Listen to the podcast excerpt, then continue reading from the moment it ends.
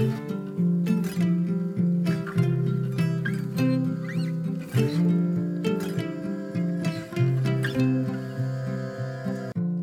och välkommen till For Health med Anna Sparre! Vill du bli av med all värk, all stelhet och känna dig 10 kilo lättare i kroppen? Lyssna idag! Jag trodde själv att jag var frisk rent muskulärt, men jag anade inte hur mycket bättre det kan bli.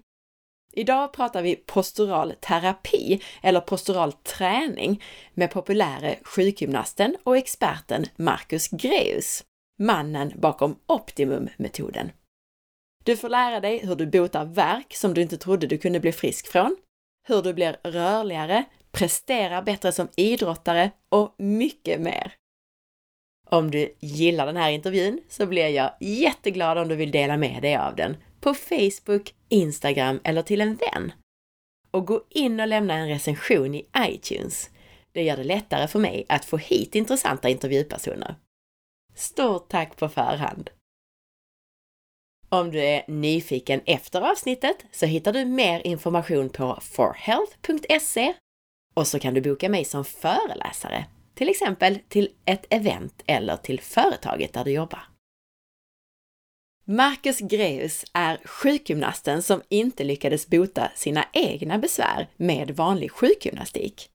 Annat var det när han sökte sig till internationella experter på postural terapi. Idag driver Marcus Optimum i Mölndal utanför Göteborg, ett ställe dit personer världen över söker sig för att bli kvitt sina besvär. Marcus Greus är nu en av få i världen som behärskar en ny version av den här metoden som han själv har varit med och utvecklat. Och jag som själv testat kan säga att det är magiskt. Men det är också helt logiskt om man tänker på hur kroppen fungerar. Lyssna och förstå.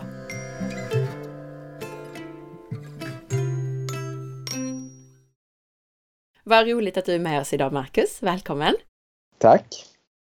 Börja med att berätta vem du är och om din bakgrund. Ja, Marcus Grius heter jag. Jag är i grund och botten sjukgymnast och arbetar numera som optimumterapeut.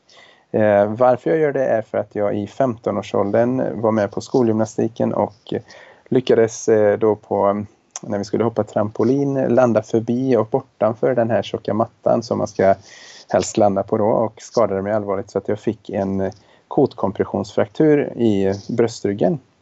Det är inget livshotande tillstånd så men man får ju väldigt ont och det läker ju men jag blev väldigt stel efteråt och hade väldigt svårt för att sitta still och stå still. Jag fick väldigt ont ganska fort eh, i statiska positioner. Och jag hade egentligen tänkt att läsa till ingenjör då men det gick ju inte eftersom man är ju mycket i stillavarande positioner så att eh, jag tänkte vad ska jag göra istället och jag tyckte om att träna och då mådde jag bra när jag rörde på mig. Och så tänkte jag att ja men då läser jag till sjukgymnast för att då blir jag förhoppningsvis av med mitt problem och samtidigt så är det kul att jobba med träning så som man ofta gör då som sjukgymnast. Och sagt och gjort, jag läste till sjukgymnast mellan 96 och år 2000. Men tyvärr så, eh, trots att jag då hade gått hela utbildningen och fått behandlingar och gått på en massa andra behandlingar också, så hade jag fortfarande lika mycket problem med min rygg. Och det kändes ju ingen bra alls att eh, börja jobba som sjukgymnast och ändå själv ha ont i ryggen då. Så att eh, jag eh, sökte vidare och så fick jag höra talas om att det hade skett ett jättegenombrott i USA som kallades postural terapi. Och postural kommer från engelskans posture, står för hållning då. Och det, här, det här byggde då på att eh, man balanserade kroppen i sin helhet istället för att bara fokusera på där man hade symptom. Och jag åkte då över till USA år 2001 och fick eh, snabbt eh, förstå då att det här är ju någonting som verkligen kommer att bli framtiden då. För att de tittade på mig på ett helt annorlunda sätt än vad jag hade blivit analyserad förut och de gav mig helt annan typ av övningar som på en gång började göra att jag kände mig bättre i min rygg och då hade jag ändå som sagt provat precis allt mellan himmel och jord innan, innan det här då. Och jag tänkte då att det här är någonting som eftersom jag själv blir bra att jag vill hjälpa andra med det här. Så att jag började ju arbeta med detta redan år 2001 då och eh, har fortsatt med det sedan dess. Så är du helt frisk idag? Jag är helt frisk i ryggen. Det tog mig ett par år för att eh, de amerikanska kollegorna som de är nu då, de, de var så schyssta. De sa att Marcus, eftersom du ska jobba med det här så hjälper vi dig nu i början här så att du du kommer igång men sen får du fixa resten själv så att du verkligen förstår det här på djupet. så, så, att eh, jag blev bättre på en gång så det var ingen fara, jag mådde så pass mycket bättre men jag var helt, helt smärtfri i ryggen 2003 när jag hade trixat och donat med de här övningarna som gjorde att jag, jag då verkligen fick en djup förståelse för hur saker och ting hänger ihop. Så att eh, nu när jag fyllde 42 i år så kan jag säga att jag är helt smärtfri överallt i hela kroppen för jag har haft en massa andra skador också då, bortsett från den här ryggskadan. Och det är skönt. Verkligen. Berätta lite mer om det här. Du kallade det nu för postural terapi, men jag vet att du numera kallar det för postural träning. Ja. Berätta vad det är alltså för någonting. Det är ju så här att inom sjukgymnastiken så, så är det vanligt att om man har en skada exempelvis i ryggen så, så vill man då stärka upp ryggen och magen och kanske stretcha höftböjer och så vidare. Man liksom får ordning på de lokala bitarna. Men det man har tittat på inom posturalträningen är just det här att man måste skapa eller återskapa kroppens naturliga förmåga att belasta de olika lederna från topp till tå och tå till topp hela vägen för att det ena hänger ihop med det andra. Folk vet ju generellt sett att om det går snett med en fot så kan det bli snett i knät och så kan man faktiskt få ont i, ont i höften, det har de flesta hört.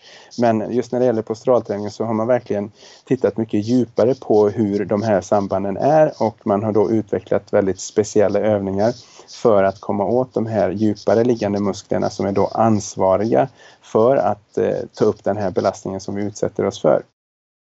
Så är det så att eh, när, när jag tittade, eller när de tittade på min problematik så visade det sig att jag hade då alldeles för krum bröstrygg, jag hade för mycket svank och sen så hade jag för strama höftböjare. Och så det var flera olika komponenter i min eh, specifika hållning då som var ur neutral så att säga. Och då fick jag övningar för att balansera alla de här bitarna istället för att bara göra det här traditionella stärka magen och eh, stärka ryggen och så vidare då. Och sen när vi tittar på Säg att vi har en kund som kommer in och har ont i ett knä. Så kanske man traditionellt då tränar upp knät genom att man gör bensparksövningar och benböjningsövningar och lite knäböj och så vidare. Men man, man tittar inte så noga på det här med att foten kanske pekar ut och knät pekar in i förhållande till detta. Eller även om man nämner att ja, men det, det ser ut på det här viset så har man inte specifika övningar för att rätta upp det här. Och det som har visat sig då är att för att knät ska kunna fungera på rätt sätt så måste foten och knät och höften att vara i en rak linje med varandra. Och då finns det alltså specifika övningar som man kan göra för att räta upp det här så att det inte är snett. För det spelar ingen roll hur starkt du blir i låret, baksidan, framsidan av låret, uppe i höften i sig om det fortfarande är snett. För då kommer man ändå ha den här snedbelastningen. Så posturalträningen handlar, handlar väldigt mycket om att se till att alla delar i kroppen, fot, knä, höft, ländrygg, bröstrygg, armar, axlar, skuldror, nacke, alla tar en lagom del av den belastning som vi utsätter oss för i olika situationer. Och det är oavsett om det handlar om liggande, sittande, stående, gående, springande och andra moment där vi tar i på olika sätt. Då. Jag har ju fått testa här lite också Mm. Och om jag ska summera det du säger så är ju den stora skillnaden att, precis som du sa, har man ont i ett knä så istället för att behandla då allting runt knäet och att stärka all, all muskulatur runt knäet så kan det vara, mycket väl vara så att man tittar på en helt annan kroppsdel till och med, eller på andra benet, för att just balansera upp kroppen. Precis, precis. Och inte bara det att man, man då tittar på andra delar utan även de muskler som man arbetar med då, som vi har funnit, vi kallar för posturala muskler, det, det är också andra muskler än vad man tittar på inom sjukgymnastik. Det är mycket djupare liggande muskler, en hel kedja faktiskt av muskler från hela vägen från under foten till upp i nacken och upp till käken som då är ansvariga för att ta upp mycket av den här belastningen som vi utsätter oss för. Och i, traditionellt sett så kommer man inte alls åt de här musklerna med de övningar som man gör utan det är alltså en annan typ av övningar och det vet du nu Anna när du har provat att, eh, eller hur skulle du beskriva? Ja absolut, ja, det är definitivt helt andra övningar ja. Absolut, det är lugnare övningar och det är, man ska hitta andra muskler som man kanske knappt visste fanns. Nej, precis, det är jättemånga som säger det. Att, Oj, här har jag muskel här också, det hade jag ingen aning om. Ja, alltså det, det, det är riktigt eh, intressant och spännande. Då. Så att man, man jobbar alltså på ett annat sätt genom att balansera hela kroppen och med andra typer av övningar och med andra typer av muskler. Så att det blir verkligen något helt nytt även för den som har tränat väldigt mycket i sitt liv. För jag har många elitidrottare som vi jobbar med och de, de blir ju väldigt förvånade för de tror ju att de har testat på det mesta med core-träning och ni vet, eh, ja, alltihopa det här som man, som man tycker sig ha gjort när man har gått på olika typer av pass där man jobbar med inre muskler då. Och det var ju som vi sa när vi pratade också att det blir nästan som att har man tränat mycket och man har fått eh, spänningar och, och kompensationer som du kallar det för, att det är nästan så att man får bryta ner först och sen bygga upp från början. Absolut, det, det är jättevanligt att, att vi har, ju, ju, mer tränad man är då, de här personerna som kommer till oss och som, är, som har tränat väldigt mycket, då får man verkligen gå in och göra eh, övningar för att bryta ner den ökade spänningen som, som de har. För att ofta är det annars så att de musklerna vill ju ta över och, och eh, ta i under övningarna. När andra muskler egentligen ska göra jobbet så vill den här muskeln som redan är starka ta över och kompensera egentligen oavsett vad man gör. Jag har haft kunder som exempelvis har legat på rygg och gjort en övning där man trycker en kudde mellan knäna. Och man ska då känna musklerna insidan av låren och de har känt att det har tagit uppe i nacken så att till och med nackmusklerna har slått på för att försöka liksom hjälpa till i den här rörelsen. Det är väldigt vanligt. Just det. Och det var det du beskrev som att kroppen kompenserar om man går omkring med en snedbelastning och en icke-optimal hållning så att säga, så kompenserar kroppen och då, då blir man ju överspänd eller tar till fel muskler i fel rörelser så att säga. Exakt. Helt rätt. Och sen jobbar du ju då med någonting som du kallar för optimummetoden som är en vidareutveckling av det här med postural träning. Kan du beskriva skillnaden? Ja, man kan säga så här att posturalträningen är grunden för det vi arbetar med. Men sen är det ju så att vissa personer som kommer till oss, de har ju andra saker som spelar in som gör att det kan vara svårt att bara direkt börja med övningar. Man kan exempelvis ha eh, alldeles för mycket spänningar i kroppen, för mycket slagg i vissa muskelgrupper och det är ligament eh, och ledkapslar och annat kring, kring lederna då som är för stela så att då kan man behöva gå in och behandla det på ett speciellt sätt. Och då för att kunna ta in andra typer av behandlingstekniker och så vidare, ha, för att kunna kalla det här någonting så har vi valt att kalla helheten av det vi arbetar med optimummetoden. Så att optimummetoden innefattar både postural träning, det innefattar speciella behandlingstekniker som vi gör rent eh, manuellt, alltså vi masserar olika eh, punkter och vi trycker på akupressurpunkter, vi trycker på neurolymfatiska punkter, det är lite olika benämningar på olika ställen på kroppen som man kan behandla för att man ska få igång cirkulationen och flödet för att man sen ska kunna göra då övningar. Sen kan det också handla om att vi behöver titta på det här med hur man äter för att eh, du Anna vet ju specifikt om det här med att eh, viss kost kan vara eh, proinflammatorisk, att man äter fel saker så kan det generera inflammationstendenser i kroppen. Och är det så att man äter helt felaktigt så kan man även behöva titta på den biten för att man ska bli av med till exempel en, en inflammation i höften eller axeln eller på något annat ställe. Och eh, sen har vi personer som är väldigt stressade, vilket är väldigt vanligt idag då. Och det här i sin tur, säger att man har ont i nacke och skuldra, man har en väldigt stress i sitt liv, så kan det ju leda till att man drar upp axlarna och även om man då gör övningar så gör själva stressen i sig att man drar upp axlarna igen och då, det, då finns det numera väldigt, väldigt effektiva tekniker för att lugna stressen i kroppen så att man då i kombination med övningarna och de här stressreduceringsteknikerna så får man en, en, mycket bättre effekt och totalen då kallas för optimummetoden. Det du började med på det själv, det var ju det här med postural träning och då tog det ju dig några år att faktiskt bli bra. Men som ja. jag kände när vi jobbade tillsammans, bara här då eh, en eftermiddag, det var ju det att visst, övningarna hjälpte, men sen var det någonting som inte ville släppa riktigt och du bara gick in med händerna och, och fixade lite, så var det som, det var nästan som magi, för då var det bara, ja, det släppte det, nu, nu kör ja. vi på, jättestor förändring. Ja, alltså det är jättehäftigt. Det är som, eh, jag hade exempelvis en, en kund här i förra veckan, ett nybesök, en, en man i 60-årsåldern som, eh, som då har haft en armaxel som man inte kunde lyfta mer än ja, strax över 90 grader då, åt sidan och inte kunnat göra detta på tio år. Och sen, dels gjorde vi då övningar men sen så hade det satt sig ganska stelt i bindväven och slagg och, och runt ledkapseln och sådär som, som en ände att det kan göra då. Så gick vi in och gjorde den här behandlingen och eh, efteråt, vi har även en, en videoreferens från honom där han visar då hur han kunde lyfta, men han kunde alltså lyfta hela vägen direkt efter första behandlingen som man inte kunnat göra på tio år. Och han var ju förbluffad naturligtvis över det här. Precis, och du hade ju hur många, jag fick ju titta på en massa sådana här videos, du hade ju hur många sådana här exempel som helst att folk efter allra första besöket är kanske inte helt bra, men, men nästan faktiskt känner sig helt bra efter ett enda besök. Ja, det, det, är därför det är så roligt att jobba med det också för att det är otroligt snabba effekter på det. Och, och ehm, samhället fungerar ju så idag att man vill ju gärna se någon slags eh, skillnad på en gång för att vi, vi lever ju som vi gör och, och man är ju van vid att det ska hända någonting på en gång. Och det är ju också motiverande då om man vill fortsätta att göra de här övningarna för att naturligtvis är det så att även om det blir bättre en gång så, så behöver man ju repetera då för att kroppen är ju, är ju van vid att ha en viss position och en viss stelhet så att den börjar ju sakta dra sig tillbaka in i den om man inte gör någonting åt det igen. Det är ungefär som du går till kiropraktorn och det kan bli bättre för stunden men sen om du inte gör någonting åt det rent fysiskt själv så kommer det ju återuppstå det här problemet.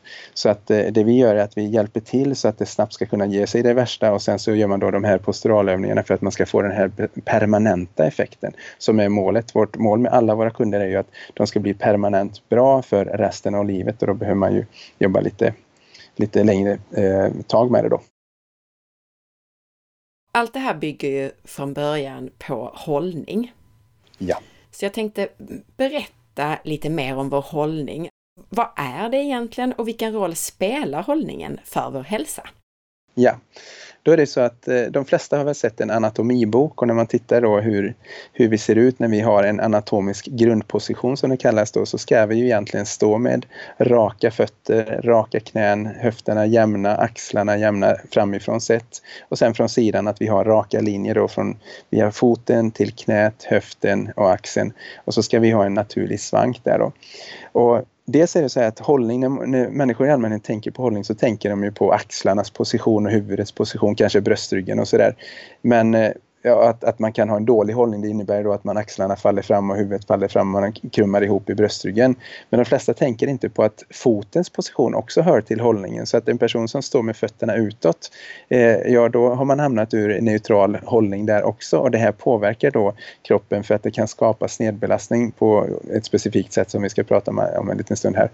Men hållningen är då vilken position är våra leder i? Framifrån sett, från sidan sett och då ska vi ha de här raka linjerna som vi pratar om och en annan sak som är väldigt, väldigt viktig som vi ser mycket problem med idag är just ländryggens position. För nacken och huvudet, det vet man att det ska vara rakt, men man kanske inte riktigt no, lika noga förstår det här med hur viktigt det är att ha svank längst ner. Väldigt många människor idag har nämligen för hög svank exempelvis och, och, eh, att man tar ut svanken för långt upp. Och det här leder då till att man får mycket problem med ländryggen i form av problem med diskarna och återkommande ryggskott och sådär som är jättevanligt i dagens samhälle. Så att vi behöver alltså ha neutrala positioner och den här naturliga svanken och det är det man har sett då när man har tittat och rest runt på jorden eh, till olika ställen där de har väldigt bra funktion och väldigt lite förekomst av smärta. Ett, ett av de länderna är Burkina Faso i Afrika där man har sett att förekomsten av nack och ryggsmärta är cirka 5% om man jämför då med Sverige och västvärlden i allmänhet där vi har en förekomst av ungefär 80 någon gång att man har ont i rygg och nacke någon gång under livet. Då. Och då får man ju fråga sig liksom, vad är skillnaden på de här människorna som bor i Burkina Faso och eh, många som bor i västvärlden. Då. Och det man har sett är just att de har en väldigt fin hållning för att när man har den här positionen på lederna och den här naturliga svanken som jag pratar om så fördelas den belastningen som vi utsätter oss för i stående, sittande, gående och olika rörelser på ett naturligt sätt genom alla olika leder. Men om man nu börjar hamna ur position, säg att fötterna börjar vrida sig utåt eller knät börjar falla in, man får en kobenställning på ett eller båda benen, eller en höft börjar vrida sig, vilket också hör till hållningen då. Eller svanken börjar plana ut långt ner där, eller man börjar få fram axlarna och sådär, vilket också är väldigt vanligt. Då kan man inte längre fördela belastningen på ett naturligt sätt och det här leder då till överbelastning eller snedbelastning och förr eller senare så kommer det att leda till smärta då. Så hållningen är direkt kopplad till överbelastning som är kopplad till smärta. Och det var egentligen min nästa fråga, vad händer om vi går omkring med dålig hållning? Men det är precis det du säger, överbelastning av vissa leder alltså och smärta. Precis, precis. Och, och, det som är då, som man måste förstå också i det med hållningen är att det finns då specifika muskler som är designade att hålla kroppen i den här positionen. Och det är de här man inte har förstått förut hur man ska träna då. Det var först när posturalträningen och terapin som det ursprungligen hette utvecklades från med början på 70-talet som man började förstå hur man kan träna de här på ett väldigt specifikt sätt för att återställa funktionen i dem så att de tar över Eh, belastningen från de här ytligare musklerna som de flesta går omkring och använder idag eftersom de inte längre har funktion i de här djupare hållningsmusklerna.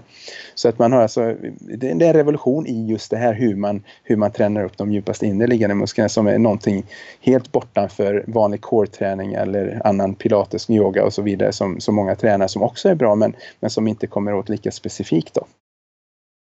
Det som händer om vi, om vi hamnar ur balans och börjar få en dålig hållning är kanske inte i första läget att vi får ont utan det börjar yttra sig i form av att eh, vi kan känna oss lite stela när vi vaknar på morgonen eller när vi har suttit en längre stund så är det lite, ah, lite trögt att komma igång så det är de första stegen.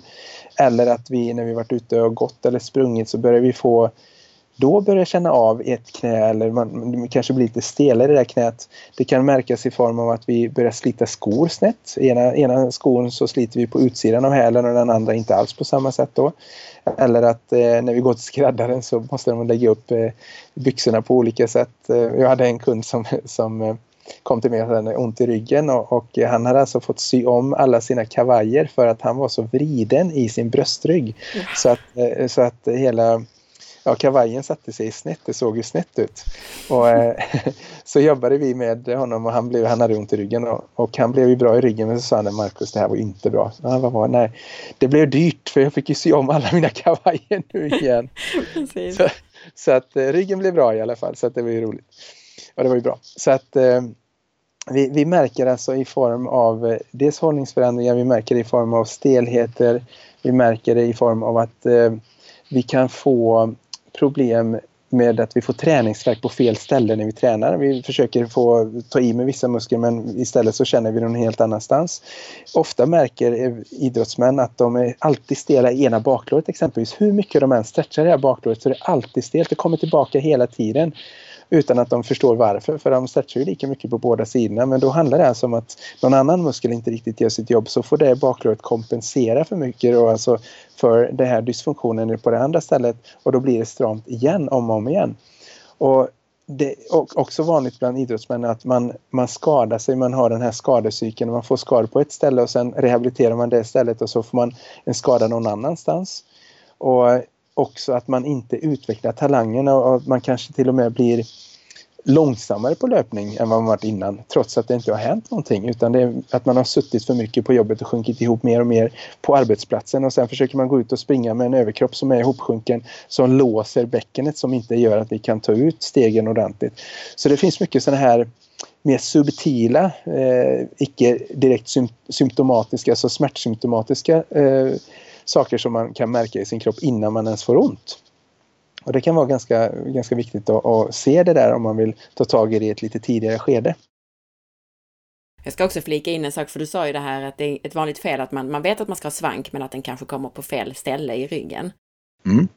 En annan sak du sa där var att det är vanligt att man kanske har fötter som pekar utåt och där tror jag att många tänker att knäna ska peka rakt fram. Mm. Medan det kanske egentligen då är viktigare att tänka på själva foten och det, det du alltid poängterar är att den mittentån eller den tredje tån är den som ska peka rakt fram. Exakt, och det, det är ju så att det, det, ska ju vara både och faktiskt. Det, både fötterna ska peka rakt fram och det är bara att titta då när man, när man också såg de här människorna i Burkina Faso. Man tittar också på våra barn som är i 2-3 årsåldern och, och ser hur ställer sig en 2-3-åring när den, när den står naturligt ja, då ser man att de står med tredje tån pekandes rakt fram. Det är inte att fötterna pekar utåt. Och så ser man också att knäna pekar rakt fram och när barnet då går så ser man att foten och knät följer i en rak riktning. Jämfört med om foten pekar utåt och knät relativt mot foten pekar inåt.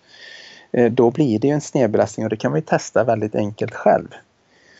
Och alltså, vi, vi kan ju komma till det sen, men, men att blir det den här snedställningen så kommer det leda till att man belastar foten felaktigt, man belastar knät felaktigt och det, då kan vi få problem med symptom i de områdena och eller att det leder till problem längre upp i SI-leder, att man får ont i utsidan av höften, ischias, piriformis syndrom och att eh, det blir problem med själva ländryggen då. Nu nämnde du att ett litet barn har en bra hållning automatiskt så att säga. Men hur får vi då dålig hållning? Varför går vi vuxna generellt omkring med dålig hållning? Var kommer det ifrån?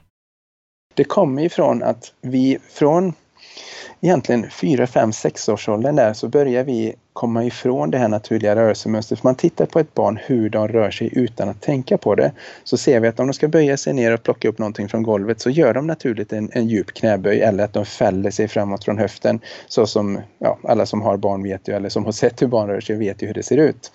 Och sen tittar man då på hur barn som kommer upp i lite högre åldrar när de börjar mer härma de vuxna. Kanske att de börjar i skolan, sitter mer i skolbänken så att de inte lika naturligt längre gör de här knäböjningarna och framåtfällningarna. Så slu vi slutar alltså använda kroppen på det här naturliga sättet eh, när vi kommer upp i den åldern. Sen börjar vi lägga oss till med vanor. Vi börjar sitta med ett ben korsat över det andra. Vi börjar stå och hänga på ena höften. Vi börjar bära väskor ena, på ena sidan, kanske mer än den andra. Vi kanske börjar med en idrott. Ofta börjar man med det ganska tidigt i livet. Och säg att fotboll eller det kan vara golf, det kan vara olika saker som gör att vi belastar en sida av kroppen lite mer än den andra sidan. Och det, det är alltså flera, flera olika saker som påverkar. Det är inte bara en sak oftast som påverkar utan det är en kumulativ effekt som jag brukar säga att det är flera saker som, som spelar in i det här då. Sen kan det vara så att vi skadar oss, vi stukar en fot och då börjar vi gå lite snett ut med den här foten ett tag medan vi har ont. Då. har vi då gått utåt med den i kanske några veckor, vad händer då? Jo, då fortsätter vi sen att gå med den utåt för att det blir inte per automatik att den rätar upp sig längre efter de här ja, några veckorna eller vad det nu kan vara. Utan då har kroppen och, hjärnan liksom ställt in sig med nervsystemet att nu är det här nya normalpositionen. Det betyder inte att det är en bra position men det är det, det som är den nya positionen. Och den här kommer förr eller senare leda till att man får en snedbelastning då. Så att det, det, det är alltså man använder kroppen för lite på naturliga sättet. Man börjar med vanor, man råkar ut för olika skador. Man eh, tränar saker som gör att eh, träningen i sig gör att man blir obalanserad. Då. Det är de fyra vanligaste eh, orsakerna till varför vi hamnar ur balans helt enkelt. Och som ett exempel på det du nämnde, det här med barn eh, och hur de rör sig. Jag har till och med gjort ett helt avsnitt på en av våra grundrörelser, just det här med huksittande, att barn ofta sitter i huksittande, medan Precis. vi vuxna, de flesta kan ju inte det längre, i västvärlden i alla fall, sitta på huk. Nej, det, det är helt rätt och, och faktum är att det som vi har som som träning, alltså underhållsträning sen när man väl har återskapat balans. För när man kommer till oss så brukar man komma eh, under kanske en två till fyra månader och träna. Man i snitt träffar våra kunder fyra gånger då. Och då tränar man ju på egen hand mellan de här besöken och sen så är tanken att man inte ska längre, när man är i balans, längre ska man inte behöva göra en massa övningar utan då är tanken mer att man ska använda kroppen så som den är designad att användas. För om vi tittar då på naturfolken exempelvis, alltså de vuxna då. Hur rör de sig? Vad är det som gör att de kan bibehålla det här som inte vi i västvärlden kan bibehålla? Jo, de gör ju det genom att de fortsätter att använda kroppen på det sättet som barnen gör. Det vill säga, de sitter på huk, de kan sitta och dricka te. Du har säkert sett någon gång mm. på någon dokumentär, sitter och pratar i huksittande då. Och eh, när de böjer sig framåt så böjer de så de fäller sig fram från höfterna istället för att kröka ryggen som en båge så som många västerlänningar gör då. Och eh, de klättrar i träd och de gör lite olika saker som utmanar kroppen på det naturliga sättet. Så att det är inte så att de här eh, naturfolken då, som det oftast är, de, de gör ju inte en massa specialövningar, de gör inte en massa posturalövningar för att underhålla det här utan de använder alltså kroppen på det sättet som den är designad att användas. Och det är det som många av våra kunder tycker är väldigt skönt och att man gör de här övningarna till en början men sen behöver man inte längre hålla på med det utan då bara har man fokus, man, vad vi kallar postural medvetenhet. Det vill säga att man tänker på hur man använder kroppen i sin vardag och nyttjar den så, så att den varje dag får ta ut rörligheten i de olika lederna på ett, på ett naturligt sätt. Sen visade du mig någonting häftigt också och det vill jag gärna att du berättar om det här med hur rörligheten hänger ihop med hållningen. Alltså vad händer till exempel när man har en, en led som är lite felpositionerad, alltså att man är lite sned eller sådär. Vad händer med rörligheten och funktionen då? Ja, precis. Det, det, där är ju en av grundvalarna i posturalträningen. Det är så att många, säg exempelvis man går till gymmet och man, man ska köra en eh, militärpress som det kallas, man ska ha hantlar och så ska man trycka armarna rakt upp över huvudet. Och så tycker man att ja, jag har alltid varit så dålig och det, det måste vara så att jag är för svag i mina axlar, det är därför jag är dålig på det. Men det kan alltså hänga ihop med att positionen på axlarna är ur fas och det här kan man alltså testa väldigt enkelt på sig själv. Då, då gör man så här om man står först med en naturlig hållning, så ni som lyssnar kan prova detta. Står eller sitter med en naturlig hållning och ta höger arm och lyft den framåt, uppåt. hela vägen upp om det går och bara känna efter hur känns det att lyfta, hur lätt känns det att lyfta armen när man håller en bra hållning, naturlig hållning. Och sen testar man då att man skjuter framåt och neråt höger axel, skuldra så att axeln liksom är sänkt och lite framåtskjuten och så håller man den positionen. Och så lyfter man armen nu med axeln sänkt i den här positionen och då noterar om man känner någon skillnad, om det känns lättare eller svårare att lyfta armen nu. Och då brukar de flesta känna att eh, det går ju betydligt mycket svårare att lyfta och det kanske också känns att det är jobbigare, tar längre upp i uppåt nacke, skuldra, mellan nacken och skuldran där att övre kappmuskeln då får aktivera för att kompensera då eftersom positionen på leden har, har blivit kompromissad så att säga. Så att så fort en led, oavsett om det är axelleden, om det är höftleden, knäleden eller fotleden, hamnar ur sin naturliga neutrala position så kommer den inte att fungera lika bra som den är designad. Och det är därför det är så viktigt att återställa så att vi kan vara raka i fötterna, knäna, höfterna och axlarna och ryggraden naturligtvis. För att annars kommer det att bli en överbelastning och det kommer att innebära att andra muskler än de som är konstruerade då för att röra leden kommer att ta över och det i sig gör också ont då. Och du kände ju själv, eh, ja, vad tyckte du när vi testade? Ja, jo men precis. Jag är ju, eller var i alla fall, lite sned just i, i eh, den ena axeln. Jag har inte utvecklat verk eller så. Så på mig kanske det inte var så mycket, men jag kände ändå en skillnad mellan då höger och vänster, att vänster var lite mindre rörlig eftersom den var lite sned. Precis, precis. Och det, när man har, nu, nu har du ju väldigt bra grundfunktion, du, du är vältränad, men att väldigt många som då går omkring och har lite verk, då, då märker man ju det här mycket, mycket tydligare naturligtvis. Och så fort man då får lederna, alltså, säg exempelvis en axel som gör ont, eh, så när man får den i rätt position så kommer det att leda till att eh, det inte alls gör lika ont längre. Och eh, det klassiska om vi, om vi tar axelproblematik, eh, axelsmärtor, om man går till en sjukgymnast till exempel, så det vanliga man brukar göra är att man får någon slags gummibandsövningar så man ska träna upp axeln och rotatorkuffen, alltså de här små musklerna runt omkring axeln. Och man kanske ska tänka på att hålla bak axlarna och så vidare, men man tänker inte på det faktum att, att eh, axeln i sig är ur position och det, det, kan ju vara på grund av att höften är sned. För att det är också en av de sakerna som, som du och jag pratar om, att, att de olika lederna är kopplade till varandra. Så är axeln sned till exempel så försöker man rätta till axeln bara så kanske inte det lyckas för att eh, den, den är kopplad till höften då. Så om höften är sned så kommer den påverka axeln och då kan det vara så att någon som kommer till oss och har ont i axeln så får vi jobba med att rätta till deras höft så att den blir rak. Så att höften då påverkar axeln så att den kan bli rak och när det blir rakt upp i axeln också då först börjar man få ordning på själva axeln. Och det här är verkligen jätteviktigt att förstå för att det, det är därför många då har gått på olika typer av behandlingar och aldrig egentligen blivit bra för man har inte sett den här kopplingen mellan de olika lederna och det kan vara att man har ont, eller man har, man har en snedställning ska jag säga. Man har ont i axeln men man har en snedställning hela vägen från foten som måste korrigeras ända ner från och ända upp till axeln för att axeln ska börja fungera då. Och så var det ju på mig egentligen att jag är ju sned i, i höften så att jag får ju mest övningar för, för, för den biten egentligen. Exakt, exakt. De flesta får ju som sagt då dålig hållning av sin livsstil då som du sa. Kontorssittande mm. och, och, saker som vi gör och så. Men det finns väl saker som är medfödda, alltså att man går lite koben till exempel med inåtvridna knän. Och i Absolut. så fall behöver man korrigera sånt som är medfött. Så, så här är det ju att vi har vissa genetiska felställningar kan vi ha, men ofta är det så här att när man tittar på alltså nyfödda och barn som är 1-2 årsåldern så är de ändå ofta relativt raka men dels är det det att det kan utvecklas lite senare när man växer till sig och kommer upp i tonåren till exempel. Då kan en skolios börja utvecklas. Men det kan också hänga ihop med att man eh, som barn härmar sina föräldrar och deras rörelsemönster. Och det har jag sett många gånger att du har en, en far som kommer gåendes med sin femåriga son exempelvis och, och, pappan går då med fötterna utåt och då tittar ju sonen på pappan. Oj, pappa går utåt med fötterna och så gör de likadant. Va? Så, så, att ni som har barn vet ju det här att det, det, det, är ju verkligen så att barn gör som man gör, inte som man säger. Och, eh, så det, det, kan vara en komponent till att man får snedställning, att man härmar alltså sina nära och kära hur, hur de rör sig.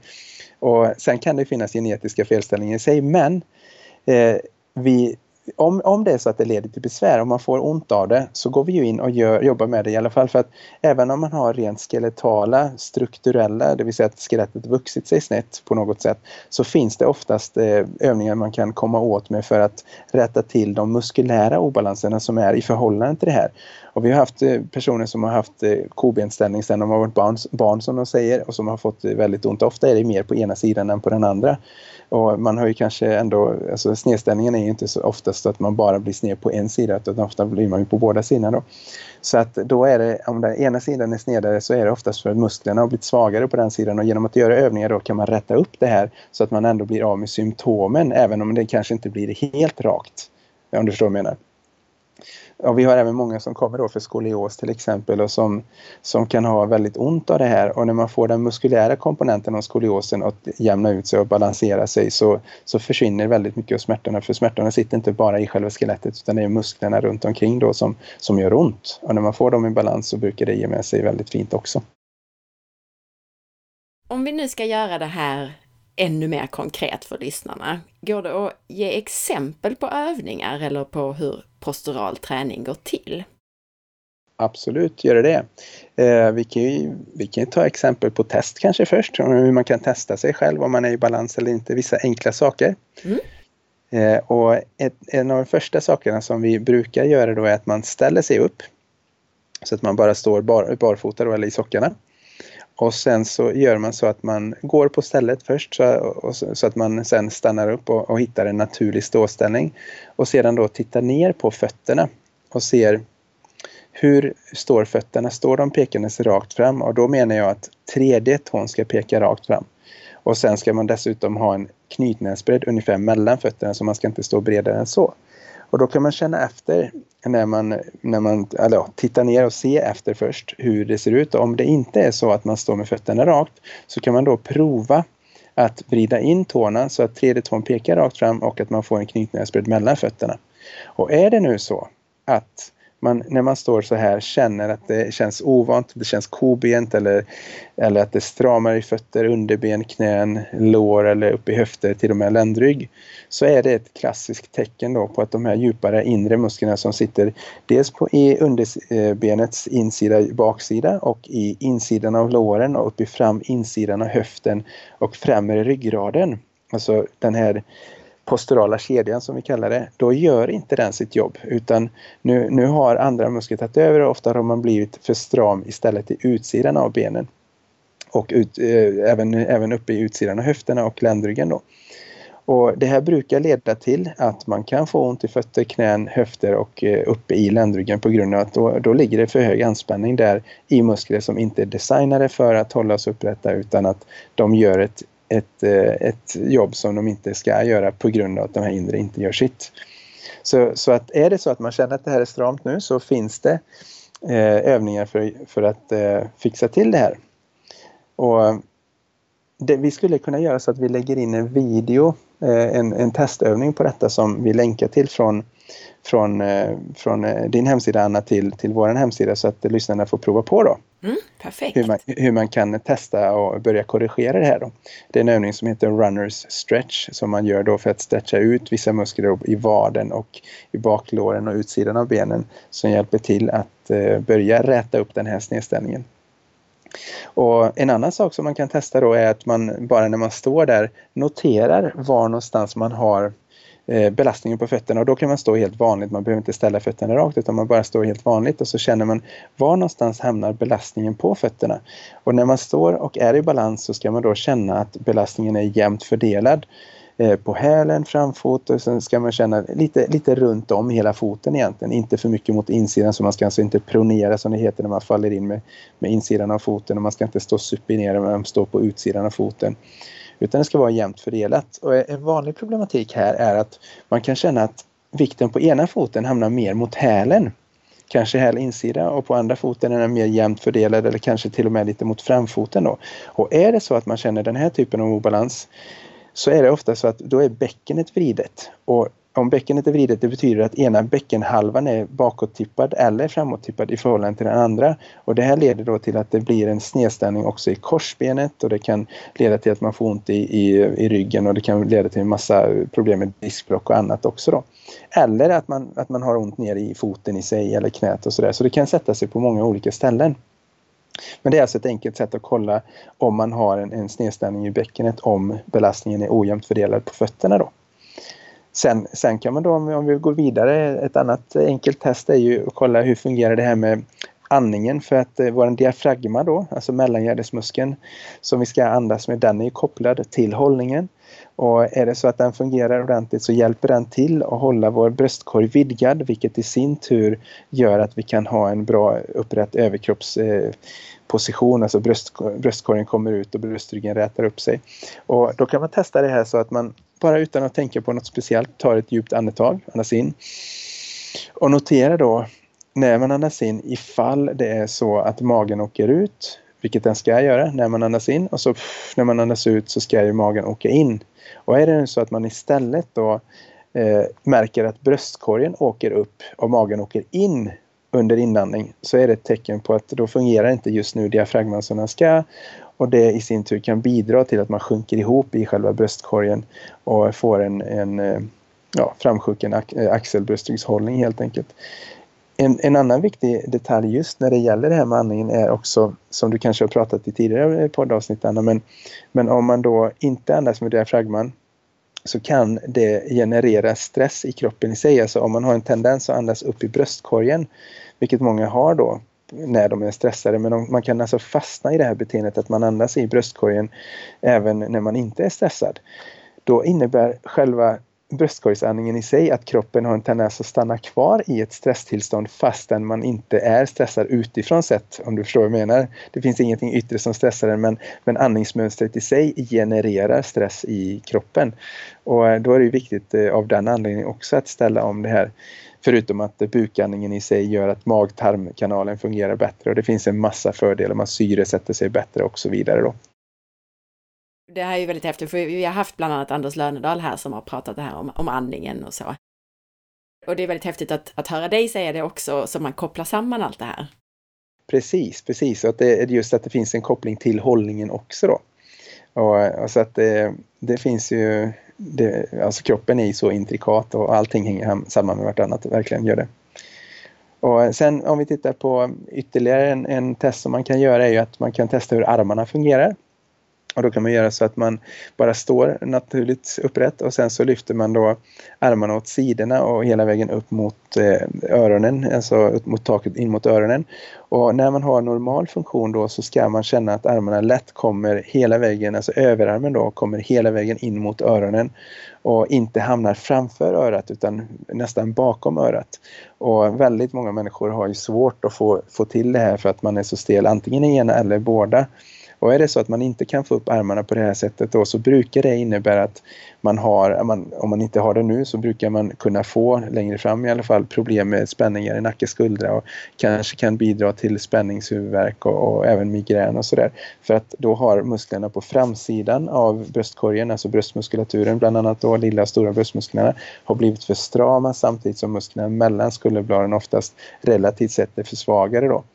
Och så det här är ju lätt att fixa till med, andra, med speciella övningar som man kan göra just för överkroppen. Då. Och vi testade ett par, du och jag Anna, där bland annat för, för att fixa till det här. Då. Då sa du att det kan lyssnarna få ett exempel på det andra problemet då med, med det här med fötterna och det. Det här ja, stretch. Har du något exempel även här som man kan använda? Som, eh, som övning då? Ja.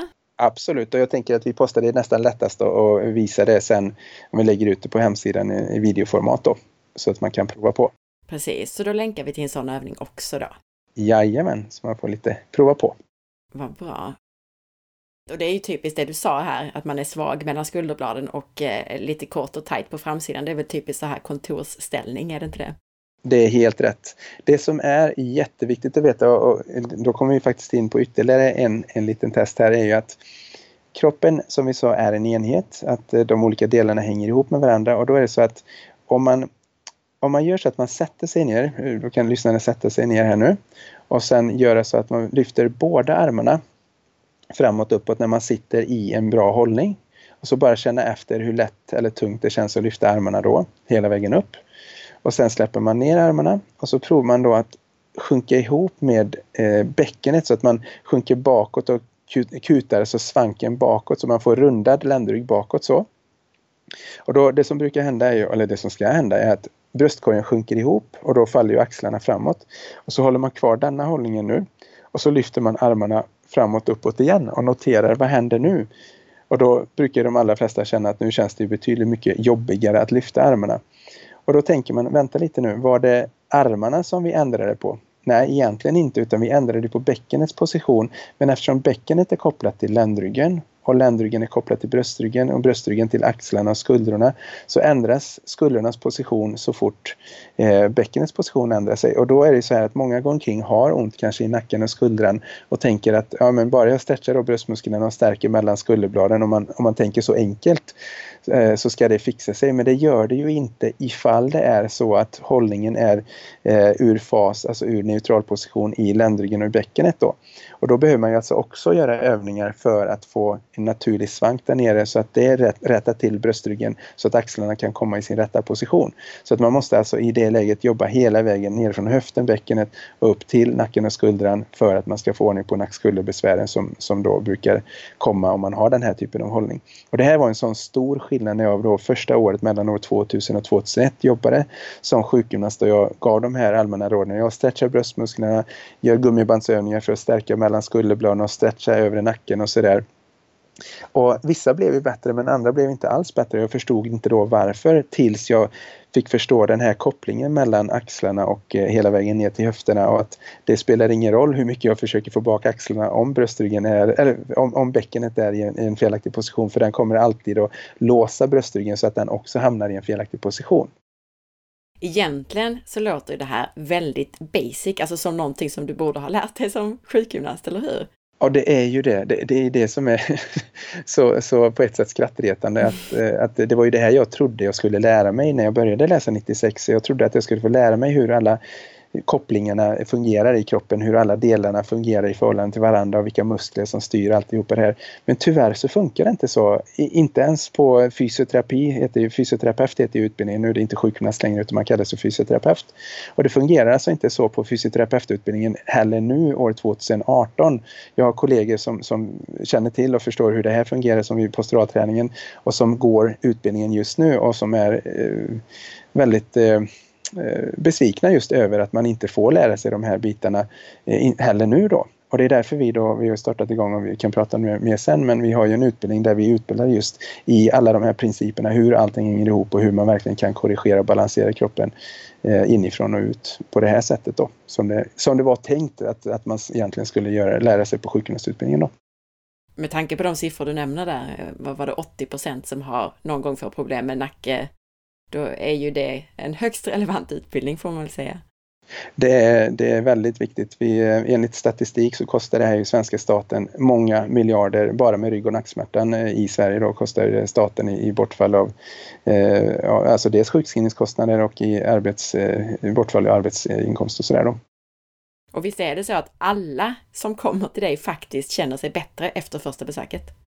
Alltså generellt sett, så antingen så är det så att man känner att smärtan minskar och eller att man märker att funktionen blir bättre omgående. Det, det är, det är alltid så på e-, ena eller andra sättet och många gånger är det både också att man känner att smärtan minskar och att funktionen blir bättre.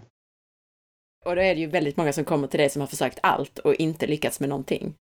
Ja, vi har, genom åren så har vi haft kunder från 15 olika länder och det har varit kunder från 6 års ålder till 90 och det har varit helt otränare till eh, topptränare såsom Peter Forsberg, Lasse Frölander, Jonas Kolting, många av våra världsstjärnor på olika sätt och, och alla har ju sina specifika problem.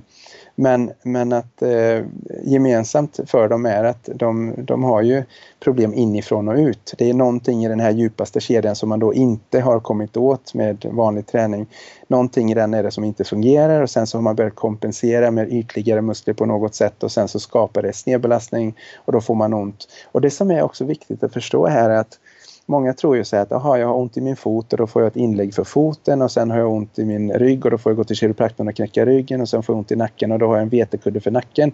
Att man tror att det är olika symptom men faktum är att det är, det är samma grundorsak. Det är den här snedställningen i kroppen som slår på olika sätt så att man får symptom på olika ställen men åtgärden är densamma, att man återställer funktionen i hela kroppen och nollställer den här normalpositionen på lederna vilket då leder till att kunderna brukar känna att det ena efter det andra symptomet ger sig mer eller mindre samtidigt faktiskt. Oftare är det så att våra kunder kommer att ha ont på flera ställen än att de har bara ont på ett ställe och det känner säkert eh, flera av lyssnarna igen att det är inte bara ett ställe som gör ont utan det är på olika sätt på olika ställen helt enkelt. Nu gav du oss några exempel på hur man kan titta på sin hållning. Mm. Men bara generellt, alltså hur märker man att man har något problem med sin hållning? Är det att, att man ställer sig så här eller tittar sig i spegeln både från sidan och framifrån? Eller bara summera det för lyssnarna. Absolut, man kan ju som sagt börja så att man ställer sig framför en spegel och bara ställer sig helt vanligt och så tittar man då från, från tårna och uppåt. Står man med fötterna rakt, alltså tredje tån pekandes rakt fram och har man en knytnäsbredd mellan fötterna Står knäna rakt i, i förhållande till fötterna? Är höfterna jämna eller ser det ut som att den ena höften är högre än den andra? Och där är också en sån här grej att ja, men jag har fått höra att jag har ett ben som är längre än det andra. Men ofta är det också så att samma person har då kanske varit hos en kiropraktor och när kiropraktorn har gjort sitt så är höfterna jämna ett, en stund eller ett tag i alla fall tills det drar sig snett igen. Så att man kanske inte egentligen har en äkta benlängdsskillnad utan det är mer att musklerna har dratt bäckenet snett så att det ser ut som man har en benlängdsskillnad. Men det kanske man ser då att man, är, att man är sned i höfterna på något sätt. Ofta kan man se då att axlarna ena hänger ner jämfört med den andra eller man kanske ser att man är lite vriden i, i bröstkorgen när man tittar på sig själv där. Huvudet kanske står snett åt ena hållet. Alla det här är ju typiska tecken på att man har eh, hamnat ur balans framifrån sett. Och sen kan man ställa sig med sidan mot spegeln och så tittar man då, står man med raka knän, alltså naturligt raka knän. Det kan vara så att vissa har översträckta knän så tror man att det inte går att göra någonting åt översträckta knän. Vilket i allra högsta grad gör, går för att det finns vissa muskler inne i höfterna som är designade då för att hålla emot så att inte knäna går i översträckning. Och jag har haft otaliga eh, killar och tjejer, oftare tjejer än killar faktiskt, som har haft problem med det här och som har efter kanske första passet redan känt att ja, men nu vill inte knäna översträcka alls på samma sätt längre. Och sen så tittar man då hur det ser ut med höfterna och, och det här med hur är svanken. Har man svank långt ner eller känns det som att svanken kommer längre upp? Och svanken ska alltså vara precis ovanför korsbenet. Om man känner efter så ska man känna att man har svank och man ska se att rumpan putar ut. Och vi, du och jag pratade precis innan här, innan intervjun här om det här med att många tjejer då kanske in, tycker att de får aldrig tränat upp rumpan och att eh, även om man går och kör mycket pass så, så ser man inte några resultat. Och det behöver inte ha att göra med att man inte eh, har en vältränad rumpa där, sätesmuskler, utan mer just att bäckenets position är bakåttippat som vi kallar det då. Så att det ser ut som att man inte har någon, någon bra rumpa. Då har man oftast för lite svank också. Och när man då gör övningar för att återställa den här balansen så börjar svanken öka. När svanken ökar längst ner där så att man kommer in i neutral position så putar rumpan ut också naturligt så som den ska. Och då ser man att man faktiskt har en, en normal, eh, normalt utvecklad sätesmuskulatur. Då. Så det ska man se att man har Rumpan putar ut naturligt och att man har en svank längst ner.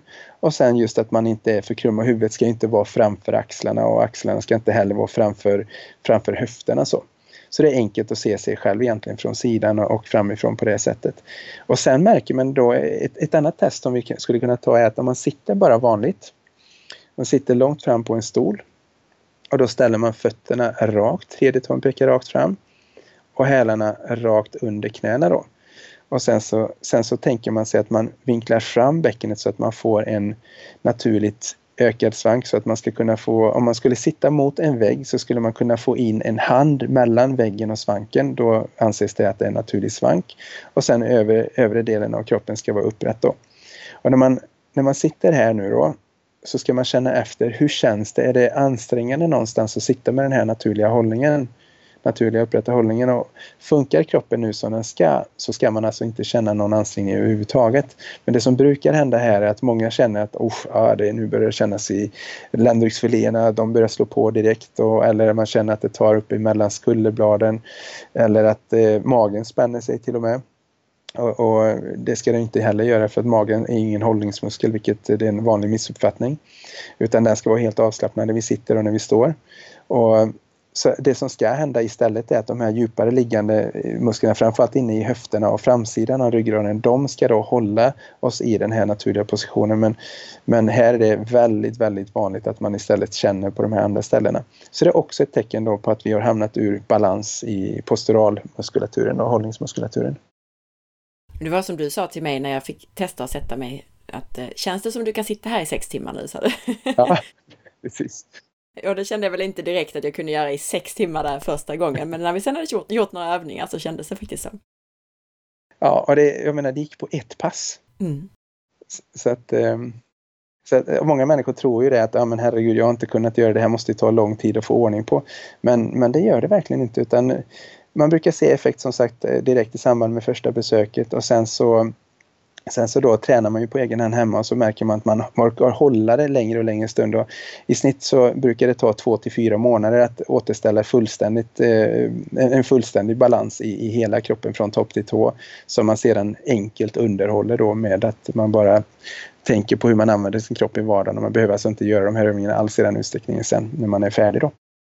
Om det var som du sa till mig att först gjorde vi eh, lite stretchande övningar för att släppa på de här kompenserande stela musklerna och sen fick jag då göra de här övningarna där vi aktiverar de här djupa musklerna som du pratar om. Exakt. Och det som händer där sen efter det är ju att det känns jättebra en, en stund, men eh, innan man har tränat det här en längre period så till slut så slår de på igen de här kompenserande musklerna. Så då måste man ju återigen göra övningarna. Exakt, för det som händer är ju det att kroppen har ju varit van nu under längre tid att använda de här ytligare musklerna så att nervsystemet har ju en tendens att skicka signalerna till de musklerna för att de är så vana. Samtidigt då som de här djupare posturala musklerna inte har använts på länge och därför är de inte vana, de orkar inte jobba hur länge som helst till en början. Och därför känns det bättre ett tag och sen så går det tillbaka och sen gör man övningarna igen och då blir man, märker man att man under en längre och längre stund mår bättre och bättre och till slut så behöver man inte göra övningar alls för att då, håller, då är de så starka de här djupa musklerna så att då håller de dig oavsett hur länge du håller på med någonting. Som jag själv exempelvis gör i princip ingenting längre med de här övningarna för det ska inte behövas precis lika lite som barnen gör det och så vidare. Däremot så tänker jag på hur jag använder kroppen i vardagen och jag visar ju övningar för kunder och jag, jag står och föreläser och jag visar knäböj och så vidare så att jag får ju in de här naturliga rörelserna varje dag vilket gör att jag hela tiden aktiverar aktiverar de djupa musklerna i det vardagliga. Och nu har vi ju nämnt här att jag har fått testa Mm. Och jag tänkte vi kunde prata lite om det. Jag har ju själv aldrig ansett mig ha några direkta besvär rent muskulärt eller med hållningen. Alltså jag har aldrig haft värk till exempel, även om jag har vetat att jag slänger lite inåt med tårna när jag går och att jag har lite översträckta knän. Och så berättar jag det här för dig också att efter min graviditet så har jag märkt just det här med att jag är lite sned i höften, att den har blivit lite roterad. Och det gör då att jag kan bli lite stel på utsidan av ena höften om jag då inte har varit noga med att stretcha och sådär. Precis. Men jag tänkte berätta då vad du gjorde med mig och vad du upptäckte för saker.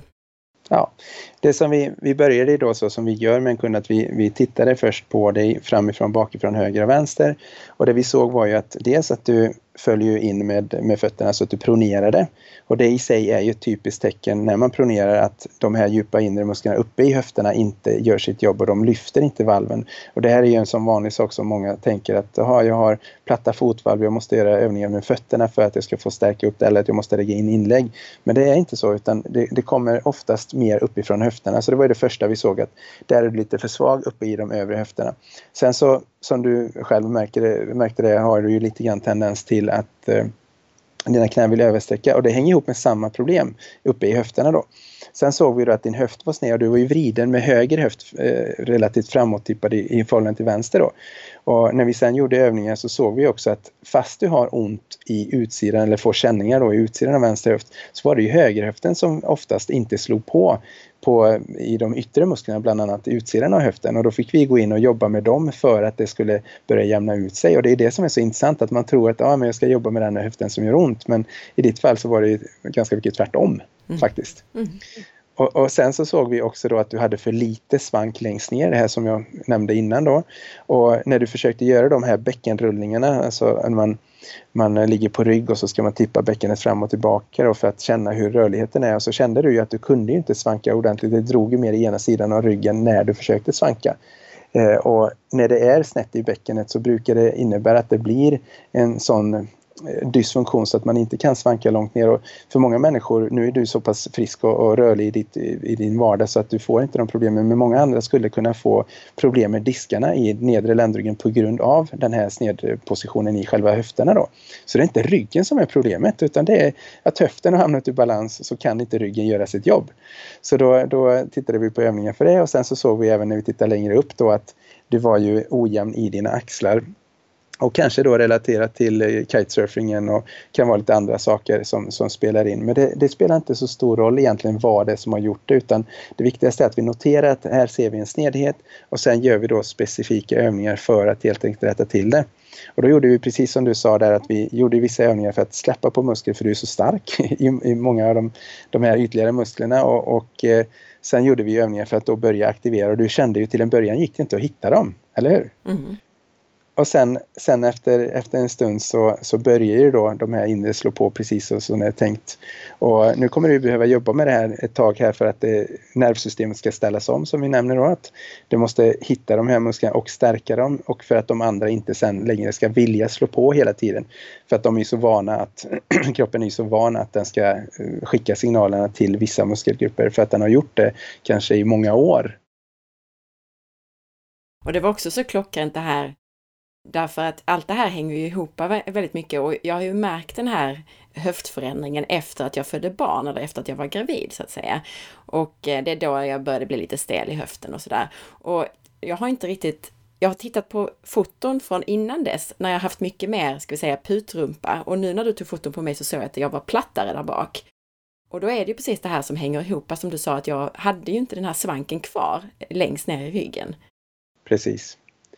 Och det, det hade att göra med att förmodligen är det så att i samband med förlossningen då när, när eh, fogarna släpper lite grann just för att man ska kunna göra, eh, alltså förlösa barnet på ett naturligt sätt och, och eh, för att det här ska fungera som det är tänkt så måste kroppen släppa på det. Men sen är det då, om du hade en liten snedställning redan innan graviditeten och det öppnar sig så är det inte alltid som det sätter ihop sig så att det blir rakt efteråt. Och faktum är att exempelvis i Frankrike så, så går ju alla alla kvinnor efter de har eh, fött barn då går de till en osteopat då, som hjälper dem att kolla av så att höften och bäckenet har ställt sig i rätt position igen. Och de hjälper även barnet då för att ofta är det så att eh, det kan bli felställningar i barnets, alltså skallens ben och så vidare när, under själva förlossningen då. Mm. Så att det här är någonting som alla kvinnor egentligen borde göra. Vi jobbar med väldigt mycket kvinnor som kommer under graviditeten för att de har jättemycket problem och även att de har problem fortfarande efter graviditeten för att det inte har satt ihop sig på ett rakt sätt, bäckenet efteråt. Då. Och när det inte gör det så tappar man den här svanken och då ser det ut som i ditt fall att du, du hade mindre putrumpa som du sa eh, och mindre svank längst ner då, som är väldigt viktigt. Eh, och det, det, ser man exempelvis när man tittar på sprinters. Har du någonsin sett en sprinter som inte har en bra svank längst ner? Som Nej, inte har ut, man ser den här rejäla rumpan, den här muskulaturen, sätesmuskulaturen. Exakt, för att kroppen kan inte generera ordentlig kraft om vi inte har rätt ställning på bäckenet och nedre ländryggen. Det går inte att trycka på i steget ordentligt, alltså riktig kraft, så som de behöver göra i, i sprintsteget. Då. En sak som jag funderar över är, alltså du, när du uttrycker det så säger du att vi arbetar med att stärka mina höftböjare, psoas. Men ja. vad jag vet så är det väldigt vanligt att de här är för korta så att man framförallt bör stretcha ja. dem. Kan det vara så att de både är för korta och för svaga? Eller kan du förklara det här? Det är en jättebra fråga. och det här var ju också en sån här sak som det jag fick lära mig både när jag läste till personlig tränare och när jag läste till sjukgymnast är att eh, höftböjaren, den ska man absolut inte stärka utan den är, den är för stark generellt sett. Och, och ehm, det kan absolut vara så att den, den är för stram och för, för stark men oftare nu för tiden de som vi ser som har för strama korta höftböjare är styrkelyftare, hockeyspelare, alltså killar oftare och tjejer men, men väldigt ofta killar då som håller på med någonting där de tar i väldigt mycket kraftsporter då. Men när vi tittar på vanliga personer som kanske inte håller på med så tuffa moment så ser vi istället att de är, eh, de är alldeles för svaga funktionellt sett i höftböjarna. Och när jag, säger funktionellt sett så menar jag då att den höftböjaren orkar inte göra sitt jobb i att hålla oss upprätta, eh, alltså i stående ställning. För att det man inte visste förut, som när jag läste till sjukgymnast så trodde man så att när kroppen håller sig upprätt så svajar den hela tiden lite fram och tillbaka. Då är det muskler på framsidan av kroppen som slår på ena stunden och sen är det muskler på baksidan, alltså baklår, ryggfiléer och så vidare. Och sen är det magmuskler lite grann och sen är det lårmuskler och även, även i vissa fall att man pratar om ellipsoas men den var inte så viktig på det sättet då utan det, det är så man såg på hur kroppen håller sig upprätt. Men det som har visat sig nu istället är att vi har, när vi bara står vanligt så har kroppen en tendens att bara sjunka ihop. Den kollapsar på ett specifikt, enligt ett specifikt mönster. Och den, den muskulatur som framförallt är viktig att motverka den här kollapsen har visat sig vara just iliopsoas. Så iliopsoas gör att vi inte sjunker ihop och faller ihop som en hösäck utan den hjälper till att skapa den här naturliga svanken. Den hjälper till att få även bröstryggen då indirekt genom att den slår på en kedja av muskler uppåt också. Att, så att överkroppen håller sig i rätt position och den hjälper benen att hålla sig raka enligt det här naturliga mönstret som vi pratade om innan då. Så att väldigt många är för svaga och då ser man i hållningen att man tappar den här nedre svanken, man ser att höfterna skjuts framåt. Vi kallar det för swayback när höfterna skjuts framåt och så överkroppen sjunker bakåt i förhållande till det. här. Du har säkert sett det någon gång när någon som står och hänger liksom framåt med höfterna så är det ganska vanligt. Och sen när man sitter ner då så är det klassiska då att man orkar inte sitta med den här naturliga svanken utan då slår man istället på eh, ryggen för att försöka simulera på något sätt få en upprätt hållning men det blir för jobbigt och därför sjunker ju personer ihop istället då. Medan om vi tittar på barn då, när de står så ser vi att de står med den här naturliga svanken och höfterna är i linje från sidan sett med huvud, axel och med fot och knä då. Och likadant att eh, när de, när de sitter så kan de hålla en jättefin hållning i svanken utan att det är ansträngt i ländryggsfiléerna då. Men eh, för att svara på din fråga där Anna angående om höftböjare både kan vara strama, eh, korta och svaga då så är svaret att det kan de naturligtvis. Det finns många som, som sitter ner och eh, faktiskt får strama höftböjare och korta höftböjare. Men de ändå är svaga. Och då, när, när vi pratar om svaga höftböjare så menar jag just det som vi diskuterade att de inte klarar av att göra det de är designade för. Och I sittande ska de ju då hålla fram bäckenet så att man får en bra naturlig svank och i stående ska de också hållas från att eh, falla framåt med bäckenet bäckenet, höfterna och de ska bibehålla den här naturliga svanken även då i stående. Så att man kan vara stram men man kan ändå vara, vara eh, för svag i dem då. Och dock ska jag säga är det så att jag ser många färre som är strama, korta och svaga än vad jag ser sådana som är strama, korta och starka. Ofta är det de här killarna som har, och tjejerna som har tränat mycket tuffare träning som blir då korta, strama och starka i dem eh, än vad det är eh, strama, eh, korta och svaga då. För att när man blir svag så brukar den inte vara eh, eller höftböjarna, de brukar inte vara eh, så de brukar inte vara så korta egentligen. Vi testar ju nästan alla som kommer till oss eh, efter behov. Då. Utan de, istället så är de strama i andra, de är strama i framlåren, utsida lår. Och de kallar det kanske höftböjare och det är missuppfattning det också faktiskt. Att man säger att jag har strama höftböjare men man menar inte de djupa inre höftböjarna då utan då menar man mer de främre ytligare eller yttre ytligare höftböjarna som är strama egentligen då. Så att det allra vanligaste är alltså att man är svag men inte kort och stram? Absolut. Eh, och det har ändrat sig faktiskt. Peter Gosky, han grundaren då i USA, han, han brukade prata om att det fanns en hel del folk som var Eh, strama, korta och starka i höftböjarna men det är många färre idag, eh, tyvärr egentligen. Eh, och det, för det, det, det är egentligen bättre att ha starka höftböjare och bara att släppa på dem när de är för, för starka och strama är, är lättare än att behöva bygga upp styrka i dem då. Men det, det går ju fort också som, som du vet hur man gör de här övningarna. Så att man, man får snabbt igång det ändå med, då, eftersom övningarna i sig är så specifika. Men det är ännu lättare om de bara är strama starka då. Jag nämnde innan att bara för att ge ett exempel då på hur det går till, så det jag fick göra var ju, eller det jag, jag har fått ett träningsprogram här då, och då började med lite av de här stretchande övningarna, så att vi släpper lite på den här kompenserande muskulaturen innan jag då får göra sådana här övningar som till exempel att med knäna då trycka ihop en, en kudde väldigt, väldigt kontrollerat för att jag ska hitta rätt muskler. Och så kan man trycka starkare och starkare och starkare till exempel. Men jag har fått massor med övningar, inte bara den. ja, precis. Och, eh, så, så, att det finns ju många olika sätt man kan komma åt. Och just det här om, om det är så att man är för kort och stram i höftböjarna då finns det speciella övningar naturligtvis för att släppa på dem eh, där också eh, i de fall där det är så men allt som oftast så ser vi istället då som sagt att vi är för svaga i de här och då har vi olika övningar i liggande, sittande, stående och sådär där vi då istället kopplar på dem för att de ska lära sig att göra sitt jobb då. Och eh, det, det som vi istället ser idag är att väldigt många istället för starka i sina magmuskler. För att många där ute har ju fått höra det här att magmusklerna är ju viktiga för hållningen. Och det, det där är ju en myt. Det är ju nämligen så att våra magmuskler de, de ska aktiveras när vi gör olika moment där vi böjer oss framåt, Säg att vi ska upp ur en säng exempelvis, vi ska vrida oss på något sätt från ena hållet till andra hållet eller att vi tar i eh, ja, på något sätt med överkroppen, då tvingas ju magmusklerna slå på. Det är det ena de ska göra. Det andra är att de ska hjälpa till när vi lyfter någonting tungt. För att de, de skapar vad vi kallar för ett buktryck. Och det här buktrycket gör att den kraft som vi som hamnar på ryggen när vi lyfter exempelvis någonting tungt. För det blir en ökad kompression på ryggraden när vi lyfter någonting tungt. Och den kompressionen kan i sig skapa ett problem för diskarna så att man till exempel får ett diskbråck då. Och för att motverka det här så har, har vi utvecklat en förmåga att slå på de djupaste liggande magmusklerna framförallt i första hand som då skapar ett mottryck, alltså en distraktion blir det av detta som motverkar det här komprimerande verkan eh, som, som det här yttre trycket skapar då. Så att där är magmusklerna väldigt viktiga. Men när vi bara står och sitter och bara strosar på, på stan exempelvis, då ska ju magen vara helt avslappnad och det ser man ju också på naturfolk, det ser man ju små barn inte står de och spänner in magen när de bara står vanligt eller de sitter vanligt. Däremot om du skulle känna på magen på en liten, en liten tvååring när de ska lyfta någonting som är tungt så skulle man då känna att då spänner sig magen just i själva lyftögonblicket och när de genererar kraft där det finns risk för att det, det blir för högt tryck på själva diskarna i ryggen. Då.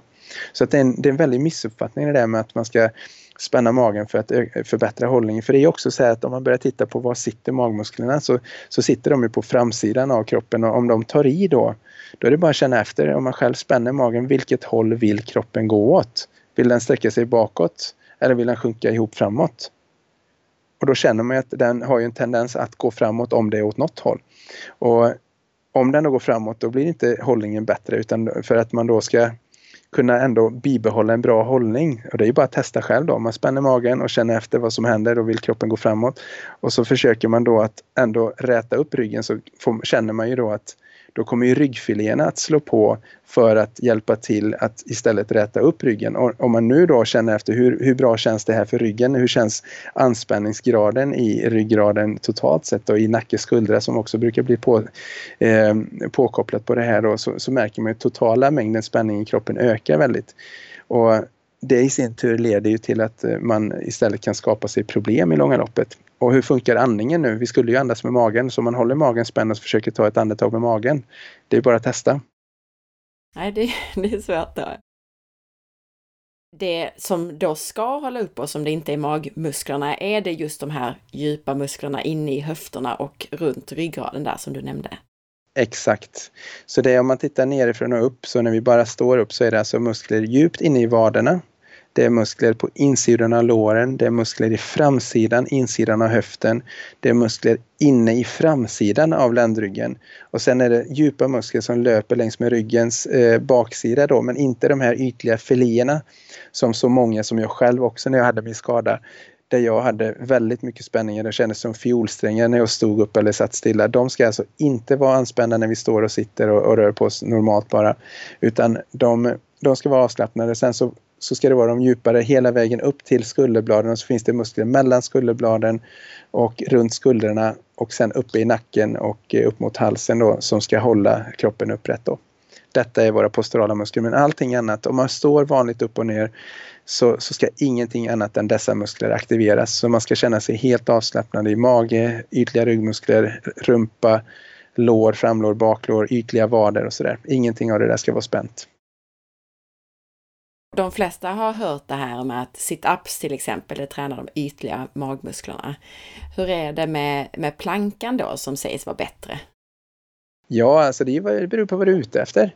Eh, alltså det, det, att träna de ytliga magmusklerna behöver inte alls vara negativt utan det kan vara så att de är för svaga relativt i förhållande till beroende på ja, vad var du gör. Är du eh, någon slags eh, elitidrottare så kanske du behöver ha starka ytliga, både raka och sneda magmuskler så det är inget fel i sig att träna dem.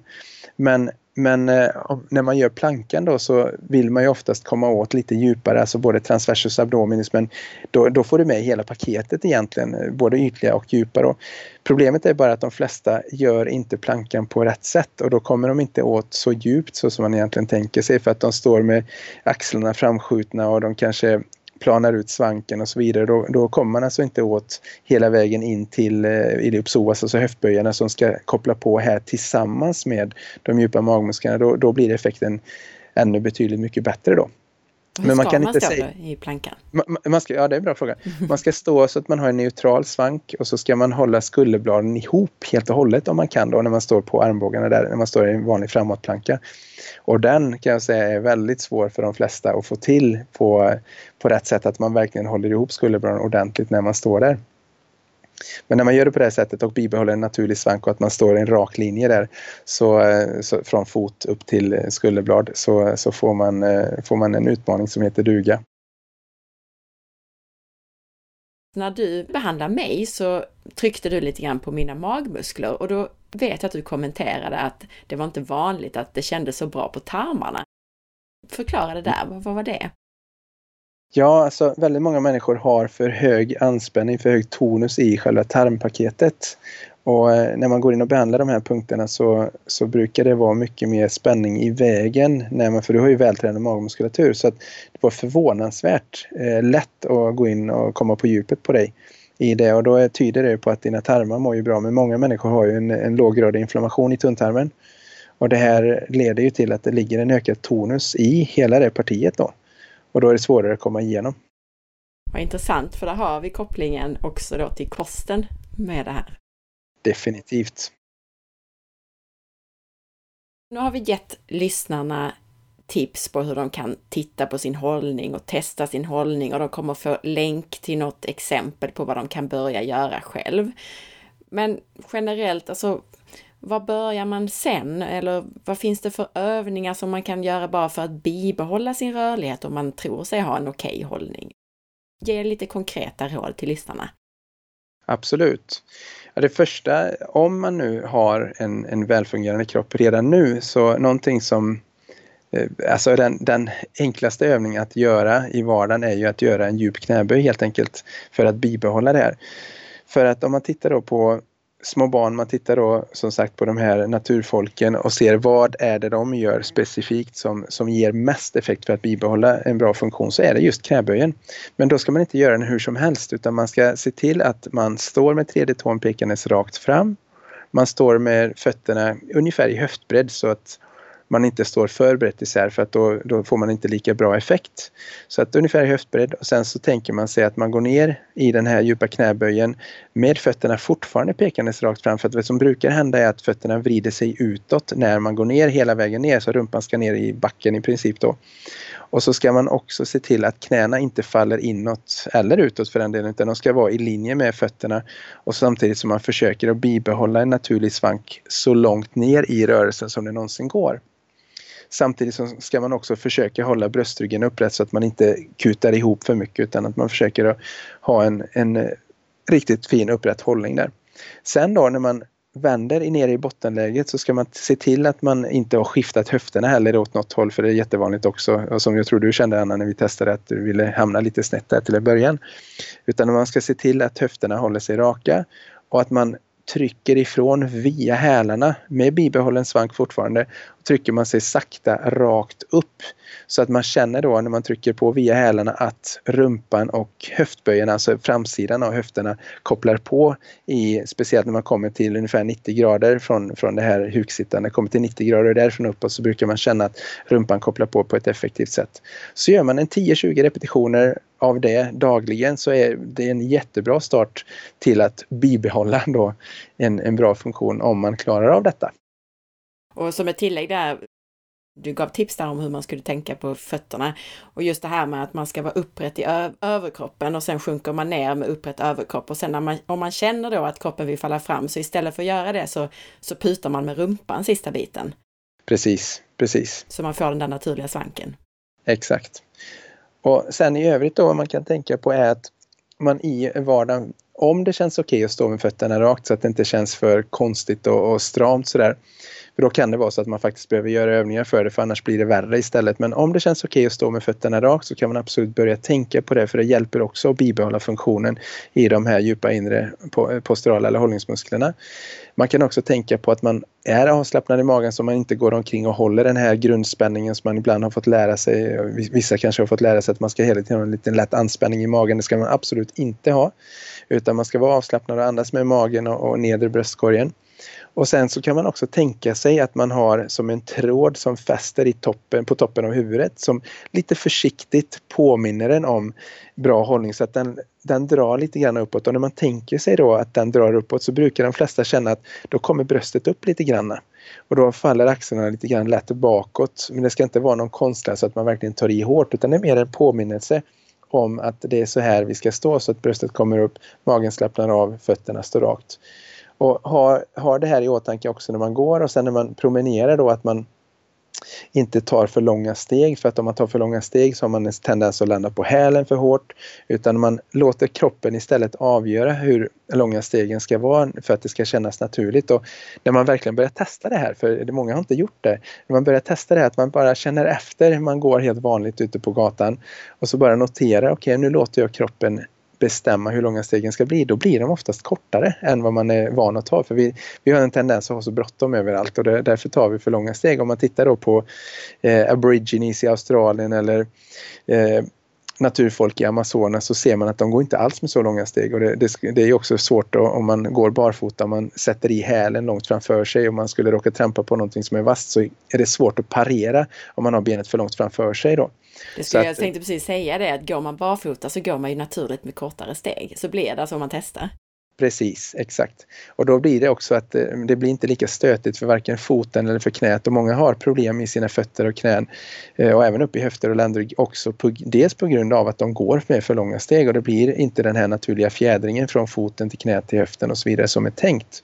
Så det är också någonting som man kan tänka på att man går med en naturlig steglängd och försöker slappna av fötterna och knäna och låta dem hitta, hitta den här naturliga fjädringen i, i, i sig då genom att man bara tänker på detta då.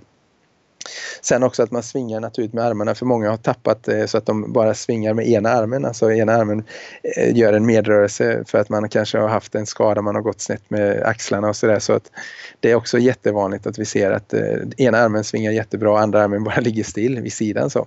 Och det ska det naturligtvis inte göra då. Så benböj ska man göra och man ska ut och gå med korta steg. man ska ut och gå med korta steg. Man, man ska försöka också sitta, om vi tittar på sittande då, att man försöker om det går att sitta långt fram på stolen istället för att sitta och eh, luta tillbaka på ryggstödet så sitter man långt fram med fötterna då i 90 grader vinkel, eller knäna i 90 grader vinkel och fötterna pekandes rakt fram.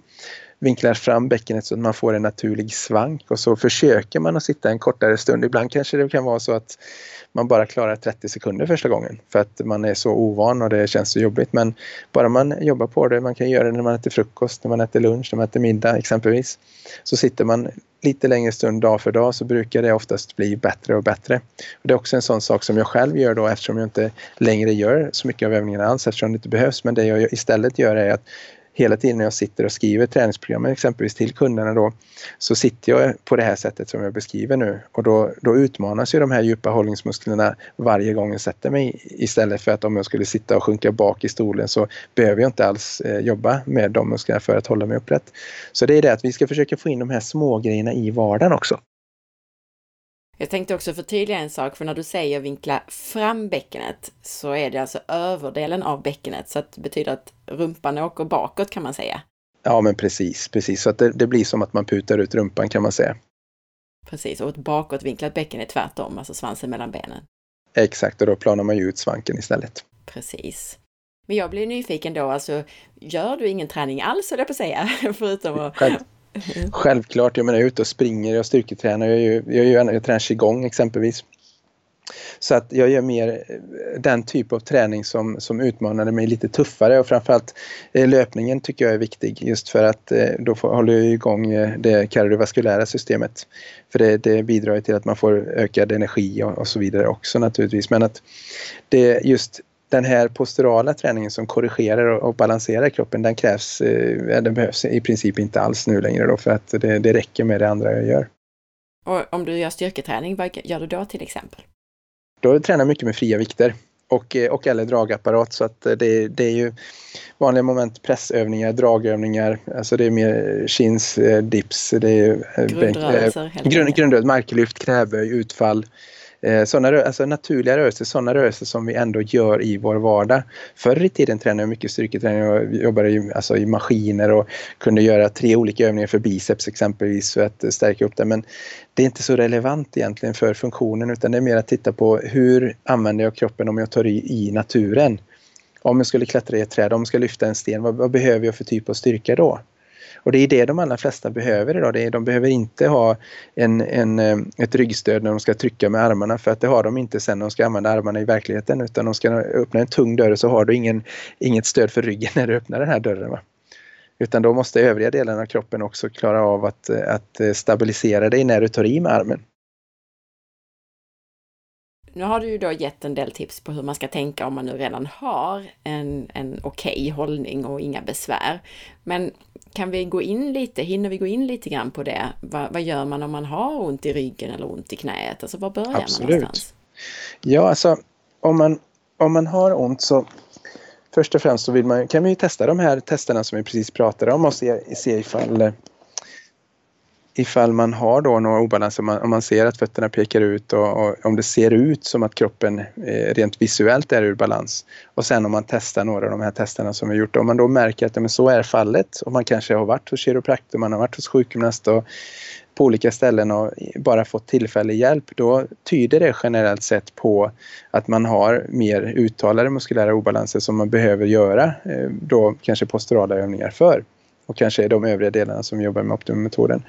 Och vi, om man är intresserad av att kontakta oss då så jobbar vi på det sättet att man man hör av sig till oss och sen så skickar man in sin historik och sen träffar vi kunden på plats och eller via Skype om man inte har möjlighet att ta sig till vår klinik i Mölndal i Göteborg då.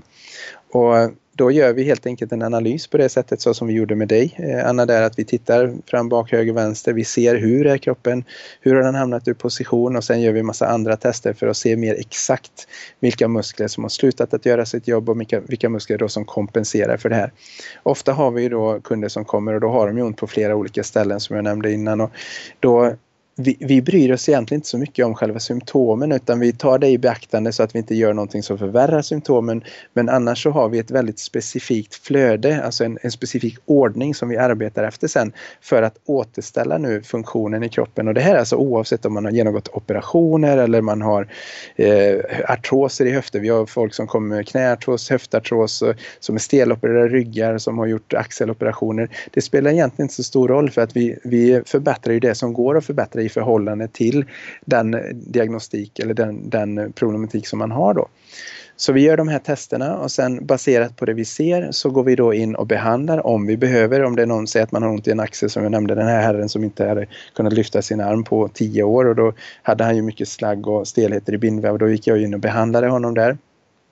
Och sen så om det inte behövs behandling så går vi direkt på och gör övningar för att man då ska börja stänga av de här musklerna som kompenserar och för att man sedan ska få igång de här djupare liggande musklerna som ska ta över ansvaret för att kunna fördela belastningen och, och eh, få symptomen att ge med sig helt enkelt. Sen får, får man då med sig ett program så man gör övningarna på egen hand hemma. Oftast är det mellan första och andra besöket att man tränar en, en till två veckor och sen kommer man tillbaka då för att man ska kolla igenom så att allting har fungerat. Man följer upp övningarna och sen får man nya övningar så brukar man då växla mellan programmen så att man tränar det här nervsystemet som vi pratar om att nervsystemet inte ska fortsätta skicka signalerna till de här musklerna som gör för mycket utan att den hittar hem till rätt muskler helt enkelt. Så vi, vi bryter ner stelheter, vi aktiverar dysfunktionella muskler som vi kallar dem då, de som inte gör sitt jobb. Och sen jobbar vi vidare på det här sättet i snitt fyra besök och då, då kommer man sen med tre till, kanske två till tre, tre till fyra veckors mellanrum efter besök två då. För att då kan man jobba på lite längre hemma då. Sen är tanken då att man kommer i balans så pass mycket så att man nu kan istället använda kroppen naturligt i vardagen så som jag nämnde att jag själv gör så att man istället tänker på hur man sitter, man tänker på hur man står, man böjer sig på naturligt sätt och så vidare och då behövs det inte längre arbetas på alls samma sätt med de här övningarna. Då kan, då kan man istället gå tillbaka om man tycker om att springa eller om man tycker om att styrketräna vanlig styrketräning eller vad man nu tycker om att göra.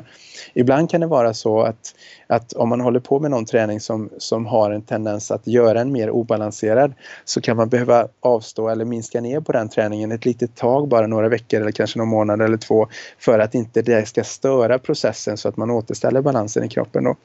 Och ibland är det så att man håller på med en träning som inte alls stör och då kan man fortsätta med den parallellt som man gör de här övningarna då. Men hur som helst så när man har kommit i balans sen kan man då, sen är tanken att man ska kunna göra precis vad man vill i träningsväg eller, eller aktivitetsväg då för att eh, fortsätta med det man tycker är kul helt enkelt då. Om vi då ska säga mer generellt, du som nu har erfarenhet av så många klienter. Om man kommer och har ont högt upp i ryggen, vad är det oftast för obalans då? Om man har ett högt upp i ryggen, då tänker du mellan skulderbladen? Exempelvis. Ja, bröstrygg, ja precis. Ja, då är det allt som oftast att man har blivit för krum i bröstryggen, att man har sjunkit ihop där. Eh, och, och, man har då blivit alldeles för stram i bröstmuskulaturen. Man är relativt sett eh, låst, vad vi kallar locked long kallas det tillståndet, att man är låst i bröstryggen i en, i en framåtskjuten position så att musklerna är uttöjda, de är långa men de är låsta i den positionen. Och det vi brukar behöva göra då är att vi går in och går in mer i den här eh, låsta positionen så att säga. Och sen så släpper vi tillbaka det så att ryggen nu kan fjädra tillbaka in i en mer upprätt position. Och det här händer verkligen direkt under första besöket. Allt som oftast. Och det är, det är fantastiskt roligt att se. Så att då vi släpper bröstmusklerna, vi släpper den här stela framåtlåsta positionen och sen aktiverar vi ryggen då i en rakare position så att musklerna nu lär sig att hålla den i en rakare position så att vi, vi ställer om nervsystemet i gällande muskulaturens längd och spänningsförhållande där. Sen kan man också ofta se då att de har en felställning i bäckenet, att de kanske är för bakåttippade, alltså utplanade i svanken och det här bidrar då till att bröstryggen är framskjuten och eh, om man inte rättar till höften bäckenet, ländryggens position i förhållande till bröstryggen så spelar det ingen roll hur mycket vi jobbar på själva bröstryggen och försöker få den att bli upprätt för att den kommer att, sjunka ihop igen eftersom den är kopplad till ländryggen och bäckenet. Då. Så att vi fixar uppe i bröstryggen och sen går vi ner och rättar till eh, ländryggbäcken, höfter också. vid behov. Och om vi då tar nästa del av ryggen och vi tar längre ner i ryggen, att man har problem med värk i ländryggen. Vad beror det oftast på då? Där finns det flera olika orsaker faktiskt och det kan dels vara så att man är för krum uppe i bröstryggen. Så att, ja, det, det säger sig självt att om, om axlarna, huvudet och, och bröstryggen sjunker ihop, alltså om man är framåtsjunken totalt sett i, i överkroppen så blir ju belastningen högre på ländryggen för då håller den ju också emot så att man inte ska sjunka mer framåt.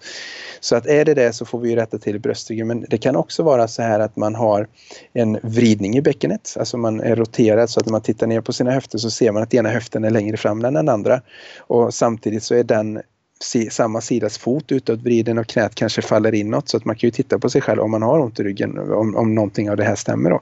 Och är det så att man är vriden i höften och foten och det pekar snett så kan det vara så att vi istället går på och jobbar med att rätta upp foten och knät och höften. Och att och det gör att ryggen kommer i rätt position och då blir man av med smärtan av den anledningen istället. Men då är det ofta så också att man kanske har ont ner i foten eller knät också. Som jag sa innan, att många som kommer till oss har ju ont på flera olika ställen. Och när vi börjar rätta upp saker och ting så brukar symptomen försvinna både på det ena och det andra stället mer eller mindre samtidigt. Sen kan det också vara så att man har för lite svank längst ner, det som vi pratade om innan. Och det ser man ju om man tittar på sig själv i spegeln då. Ser det ut som att rumpan putar ut naturligt att man har en svank längst ner? Eller ser det ut som att man svankar lite högre upp? Och, och eh, just när man provar att sätta sig ner, kan man då tippa fram bäckenet så att man får en svank långt ner eller är det svårt att få fram svanken i sittande?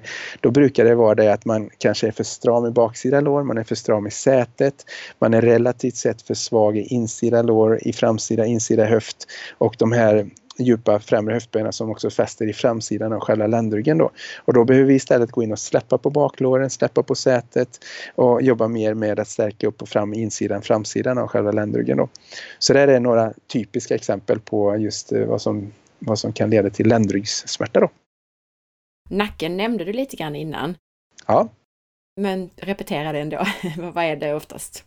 Ja, alltså nacken hänger ju ihop med de som vi precis nämnde. Att ofta är det ju så att man sjunker ihop själva bröstryggen och då skjuts ju huvudet framåt och i och med att Eh, huvudet väger runt 5 kilo. Så om huvudet är bara några centimeter framför axlarna så blir det en ökad belastning på nacken. Så har man ont på båda sidor nacken, alltså övre skulderpartiet på både höger och vänster sida, så brukar det hänga ihop med att man just har sjunkit ihop på det här sättet som jag beskriver. Är det så att man har mer ont i ena sidan så kan det vara så att man är sned i axlarna, och man kanske är vriden i själva bröstryggen eller att, eller att man har den här sidoböjningen i själva bröstryggen så att man tappar axeln och det i sig gör att bara ena sidan spänns mer.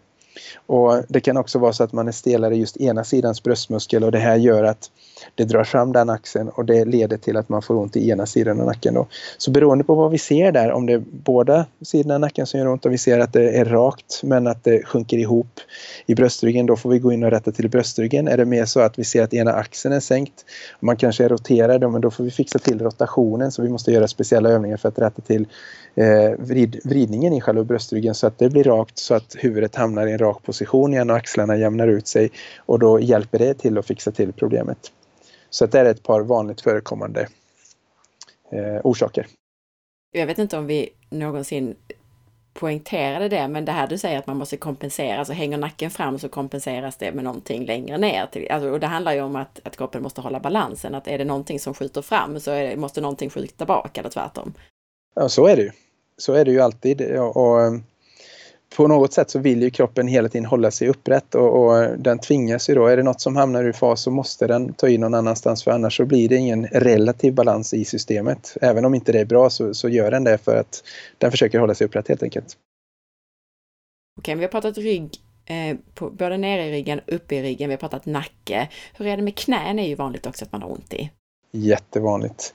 Det som vi ser generellt sett med knäna är just det här klassiska att man står med fötterna utåt och säg nu att eh, det är bara ena knät man har ont i så kan det vara så att den sidans fot pekar ut mer än den andra sidans fot. Och så om man tittar på själva knäskålen så ser man att knäskålen i sig pekar inte lika mycket utåt som foten gör utan kanske mer inåt då. Och då blir det vad vi kallar för en torsion, alltså ett vridmoment mellan underbenet och lårbenet. Och det säger sig självt om man tänker sig att det är ett vridmoment mellan underbenet och lårbenet. Det i knät består ju av underbenets övre del och lårbenets nedre del och så har vi meniskerna däremellan och ledband och sådär inne i knät. Och de mår ju inte speciellt bra ifall man har ett sånt här vridmoment. Om man sen exempelvis ska ut och promenera, gå i trappor, göra knäböj, utfall, springa på det här benet som är i, ett eh, vrid, vridet, eh, i en vriden ställning så kommer det ju leda till en snedbelastning i det. Och det kan leda till att man får problem med menisker, ledband, men ofta, kanske oftare då att man får problem med löparknä. Det är jättemånga som har löparknä nu för tiden. Och så tror de att det, det ja, man, man tänker att man ska stretcha IT-bandet och man ska ha foam roller och man ska massera utsidan av låret där. Men det är bara ett symptom. Problemet i det här fallet är att man är alldeles för svag generellt sett i samma sidas höftböjare och utsidan av höften, djupa gluteus medius och minimus heter de här musklerna. Alltså de, de djupare yttre eh, sätesmusklerna som är designade för att stabilisera lårbenet från sidan sett. Sen finns det även andra muskler som sitter djupare in i sätet som också är designade att motverka den här inåtrotationen i knät som vi då med speciella övningar aktiverar och det brukar ske fort knäproblemen brukar lösa sig väldigt fort för väldigt många. Då. Sen kan det vara att man har hopparknä också. Då brukar det vara så att man har för mycket spänning i framsida lår istället. Och det kan hänga ihop med att man har en snedställning i själva bäckenet på ett annorlunda sätt. Att det är framtippat eller bakåttippat på just den sidan. Och det i sin tur hänger ihop på något sätt. Att höftböjaren är oftast involverad på ett eller annat sätt. Och det behöver inte vara just det här att man behöver jobba med utsidan av höften på samma sätt. Utan man behöver gå in djupare in i höften framifrån sett istället. Då. Eh, så att det där är klassiska knä, knäproblem. Och så slutligen höften då. Ja, och armarna har vi också. Just det, armarna också. Ja, precis, höften. Vi behöver höften. Och fötterna. Eh, och fötterna. Men, men höften, det, det vanliga som man brukar ha problem med höften, det, det finns ju många som nu för tiden har eh, trokanteriter, alltså en inflammation i utsidan av höften. Och det är egentligen mer eller mindre samma sak. Att på något sätt så är höften vriden och det ser man oftast när man tittar på sig själv att höften sticker ut åt sidan eller när den är vriden på något sätt. Och så har man också den här snedställningen i foten eller knät. Och det är så att för någon person så sätter sig problemet mer i knät och för någon sätter sig mer uppe i höften. Och det kan vara samma grundorsak som jag precis nämnde då med fot ut och knä inåt och bakåtvridet eller roterat bäcken. Men, men att det kan sätta sig på olika ställen. Så det, det är egentligen de här grundorsakerna som återkommer hela tiden. Då. Och detsamma om man tittar, tittar neråt eh, foten. Har man problem med, med eh, hallux valgus som är vanligt. Eller man har problem med plantarfasciit plantarfascit eller hälsporre, då, ont under foten, framsidan av hälen. Så är det egentligen lätt att förstå. Om man ställer sig upp och så står bara vanligt med raka fötter och bara noterar hur belastningen är på foten. Och sen gör man så att man vrider foten utåt och sen så vrider man själva knät inåt i förhållande till foten nu när man står med utåtvriden fot. Så känner man då att då planas fotvalvet ut och då blir det ökat tryck in mot stortåns insida, alltså vid den här dynan eh, trampdynan på insidan av stortån där man också utvecklar en hallux valgus. Så många som har det har det på grund av att man faller in med foten för mycket på grund av att det inte fungerar längre upp i höften. Och det här kan också sätta sig då som en plantarfascit eller en hälsporre. Det kan sätta sig som hälseneproblem, benhinneinflammationer, jättevanligt. Hänger ihop med precis samma snedställningar då.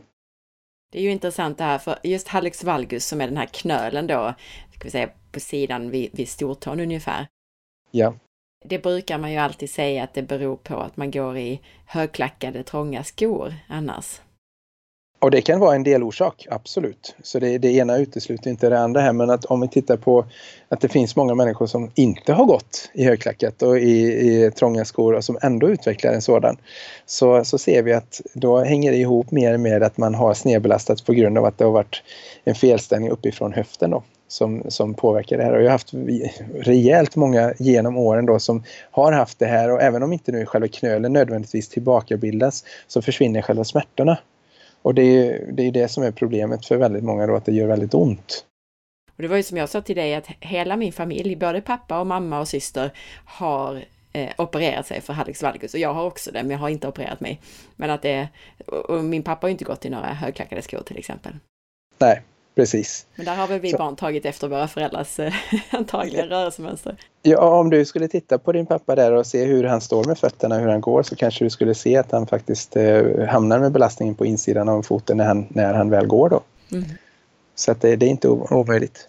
Och sen då när det gäller symptom i armarna, händerna så där man kan få karpaltunnelsyndrom och det här kan ju ha hormonella orsaker, bland annat i, i samband med graviditet och sådär. Men, men om det inte är det så är det så att våra händer och armar och underarmar och armbågar de är designade för att ta i och fördela belastningen från handen till underarmen, till armbågen, upp genom överarmen till axeln, skuldran och ner i ryggraden. Och är det nu så att vi exempelvis har hamnat med vår hållning så att vi sjunker ihop i bröstryggen så axlarna sjunker fram så kan inte längre belastningen fördelas från händerna och upp genom hela den här kedjan som jag nämnde utan då fastnar belastningen så att det blir för mycket, säg att man sitter med statiska moment där man använder händerna och underarmarna då, så fastnar belastningen i de delarna vilket gör att det till slut blir en inflammation.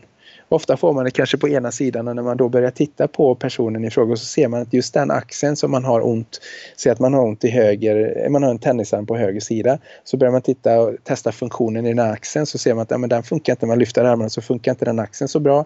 Man ser att den är lite framskjuten neråt och när man försöker att testa skuldernas funktion så ser man att det funkar inte heller då.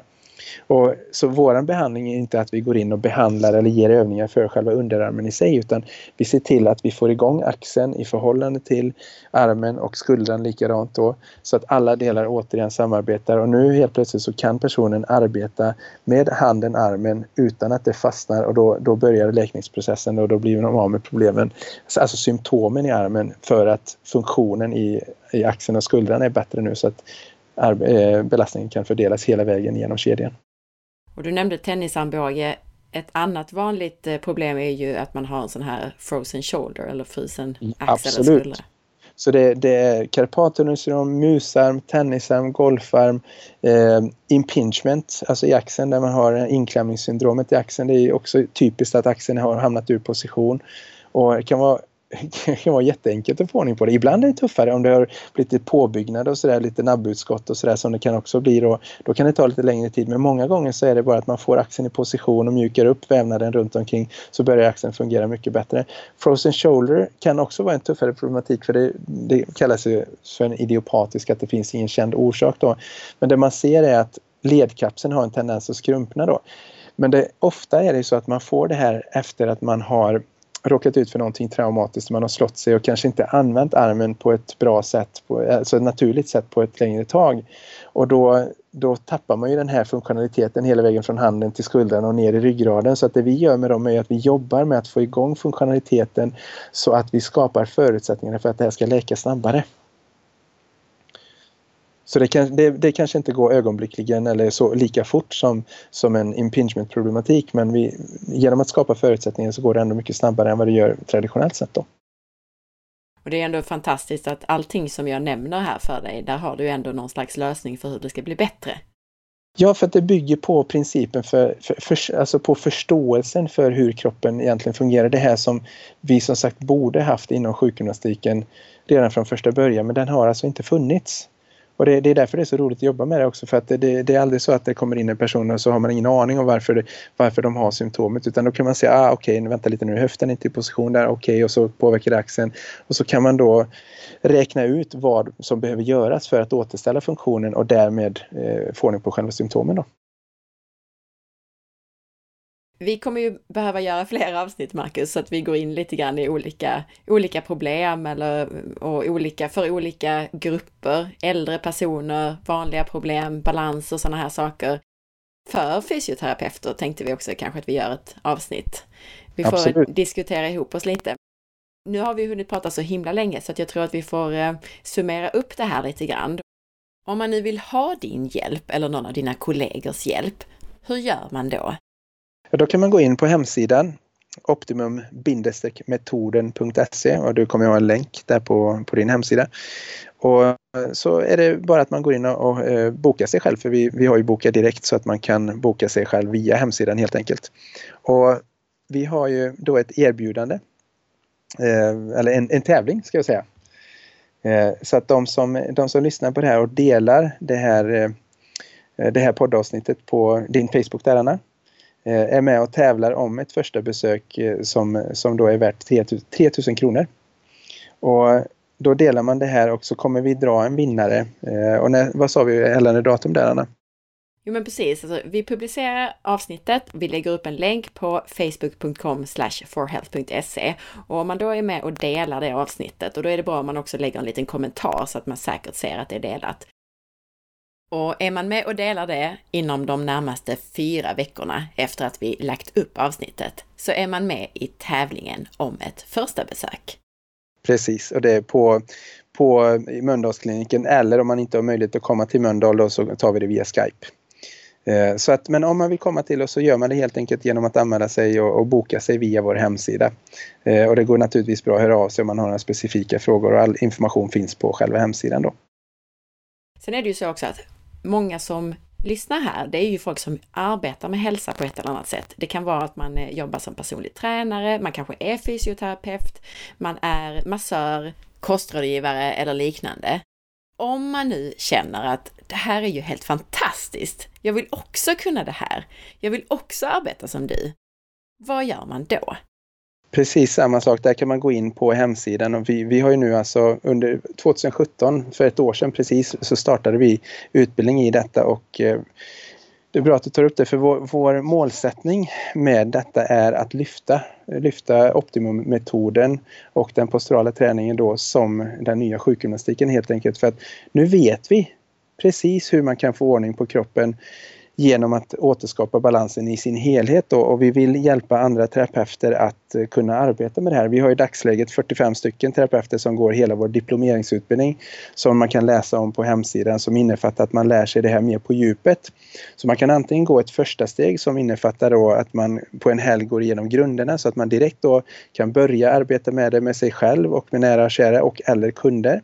Och för de som då verkligen vill lära sig det här på, på djupet då så går man en diplomeringsutbildning och all information information om detta finns då på hemsidan.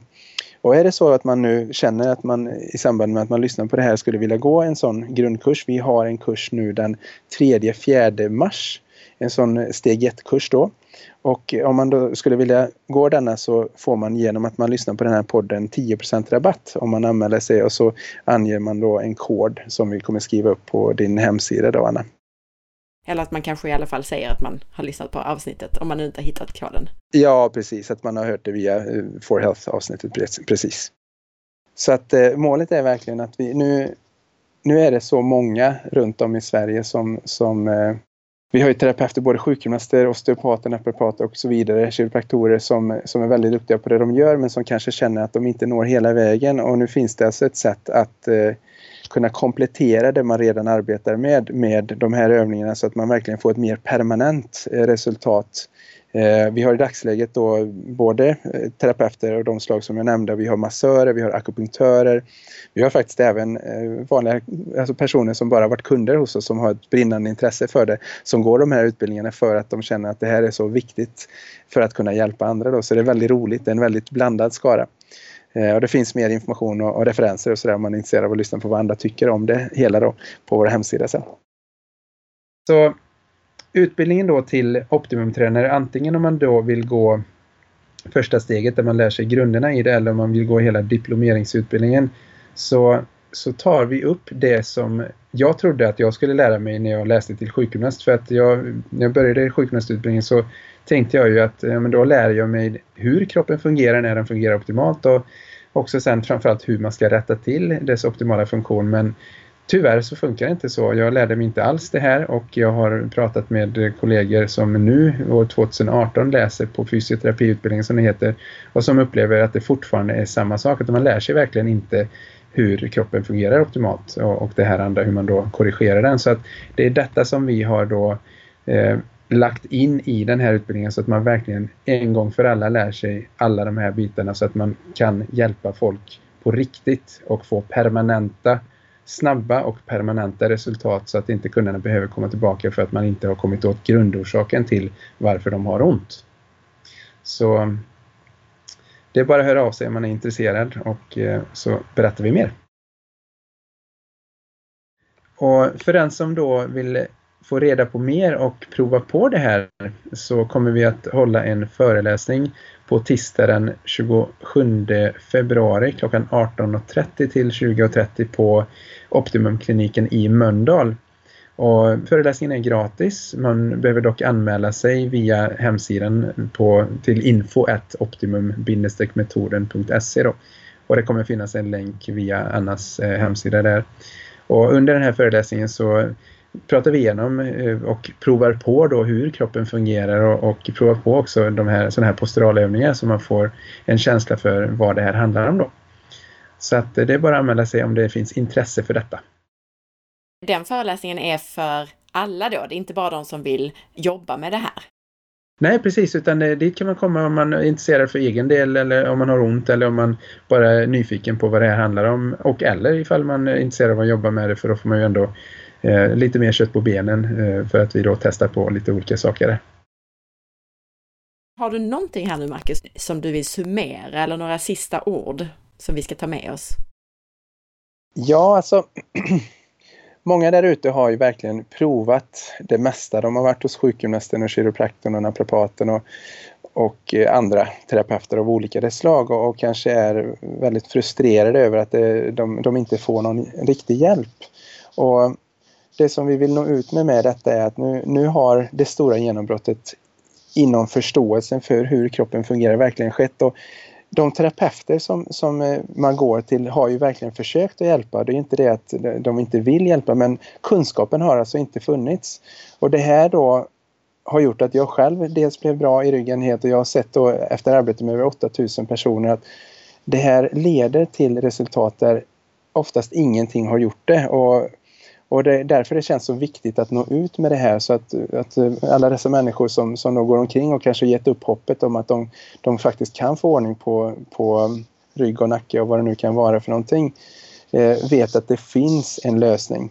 Och vi, vi, det ska jag säga också, när, man, när, man jobbar, när vi jobbar med våra kunder så har vi en nöjd kundgaranti så att man kan prova på det här oavsett om det är via Skype eller in, i person, in person som vi kallar det, på kliniken så, så innebär den här nöjd kundgarantin att om man inte är nöjd och tycker att det här är någonting för en så kostar besöket ingenting. Just för att eh, man, man ska riskfritt helt enkelt kunna testa. Och, och just och för att du är så säker på att det kommer att funka, eller Ja, absolut. Mm. absolut. Mm. Vi, vi ser ju resultat eh, varje dag. Det, det, det fungerar verkligen så bra jag tycker nästan det är svårt att förmedla i en podcast. Alltså jag då som inte egentligen, jag hade inte ont, men jag tycker ändå det var, det var lite som magi på något sätt. Alltså det, det, ja. Så det, det, är så pass fantastiskt att det är svårt att förmedla i podden. Ja, men det, det är ju så. Det, känns ju nästan som, eh, som att eh, kan det verkligen vara så här enkelt? Men det, det, är, så, det är det som är målet, att verkligen nå ut till alla de som kanske har gett upp hoppet för att eh, de andra som får hjälp av kiropraktorer och så vidare, det, då är det, ingen, det är inte de som vi vill nå, utan vi vill nå alla de andra. Men det är ju viktigt också, jag kände ju det är ju väldigt viktigt förebyggande. Tänk om jag hade gått omkring med min sneda höft och sen fått problem. Det är det absolut. Det är det absolut, men, men eh, det, då är du lite unik i det. Det är väldigt många som inte orkar tänka förebyggande utan de, de tar tag i det först när det har skett. Mm. Så den stora massan är ju, om vi tittar på hur många som kommer till oss i förebyggande syfte så är det kanske två per år av 500. Jättebra Marcus! Kanon. Tusen tack för all den här informationen! Ja, tack själv!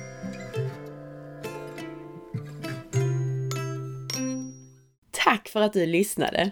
Jag hoppas att du gillade den här intervjun. Gjorde du det, så dela med dig av avsnittet.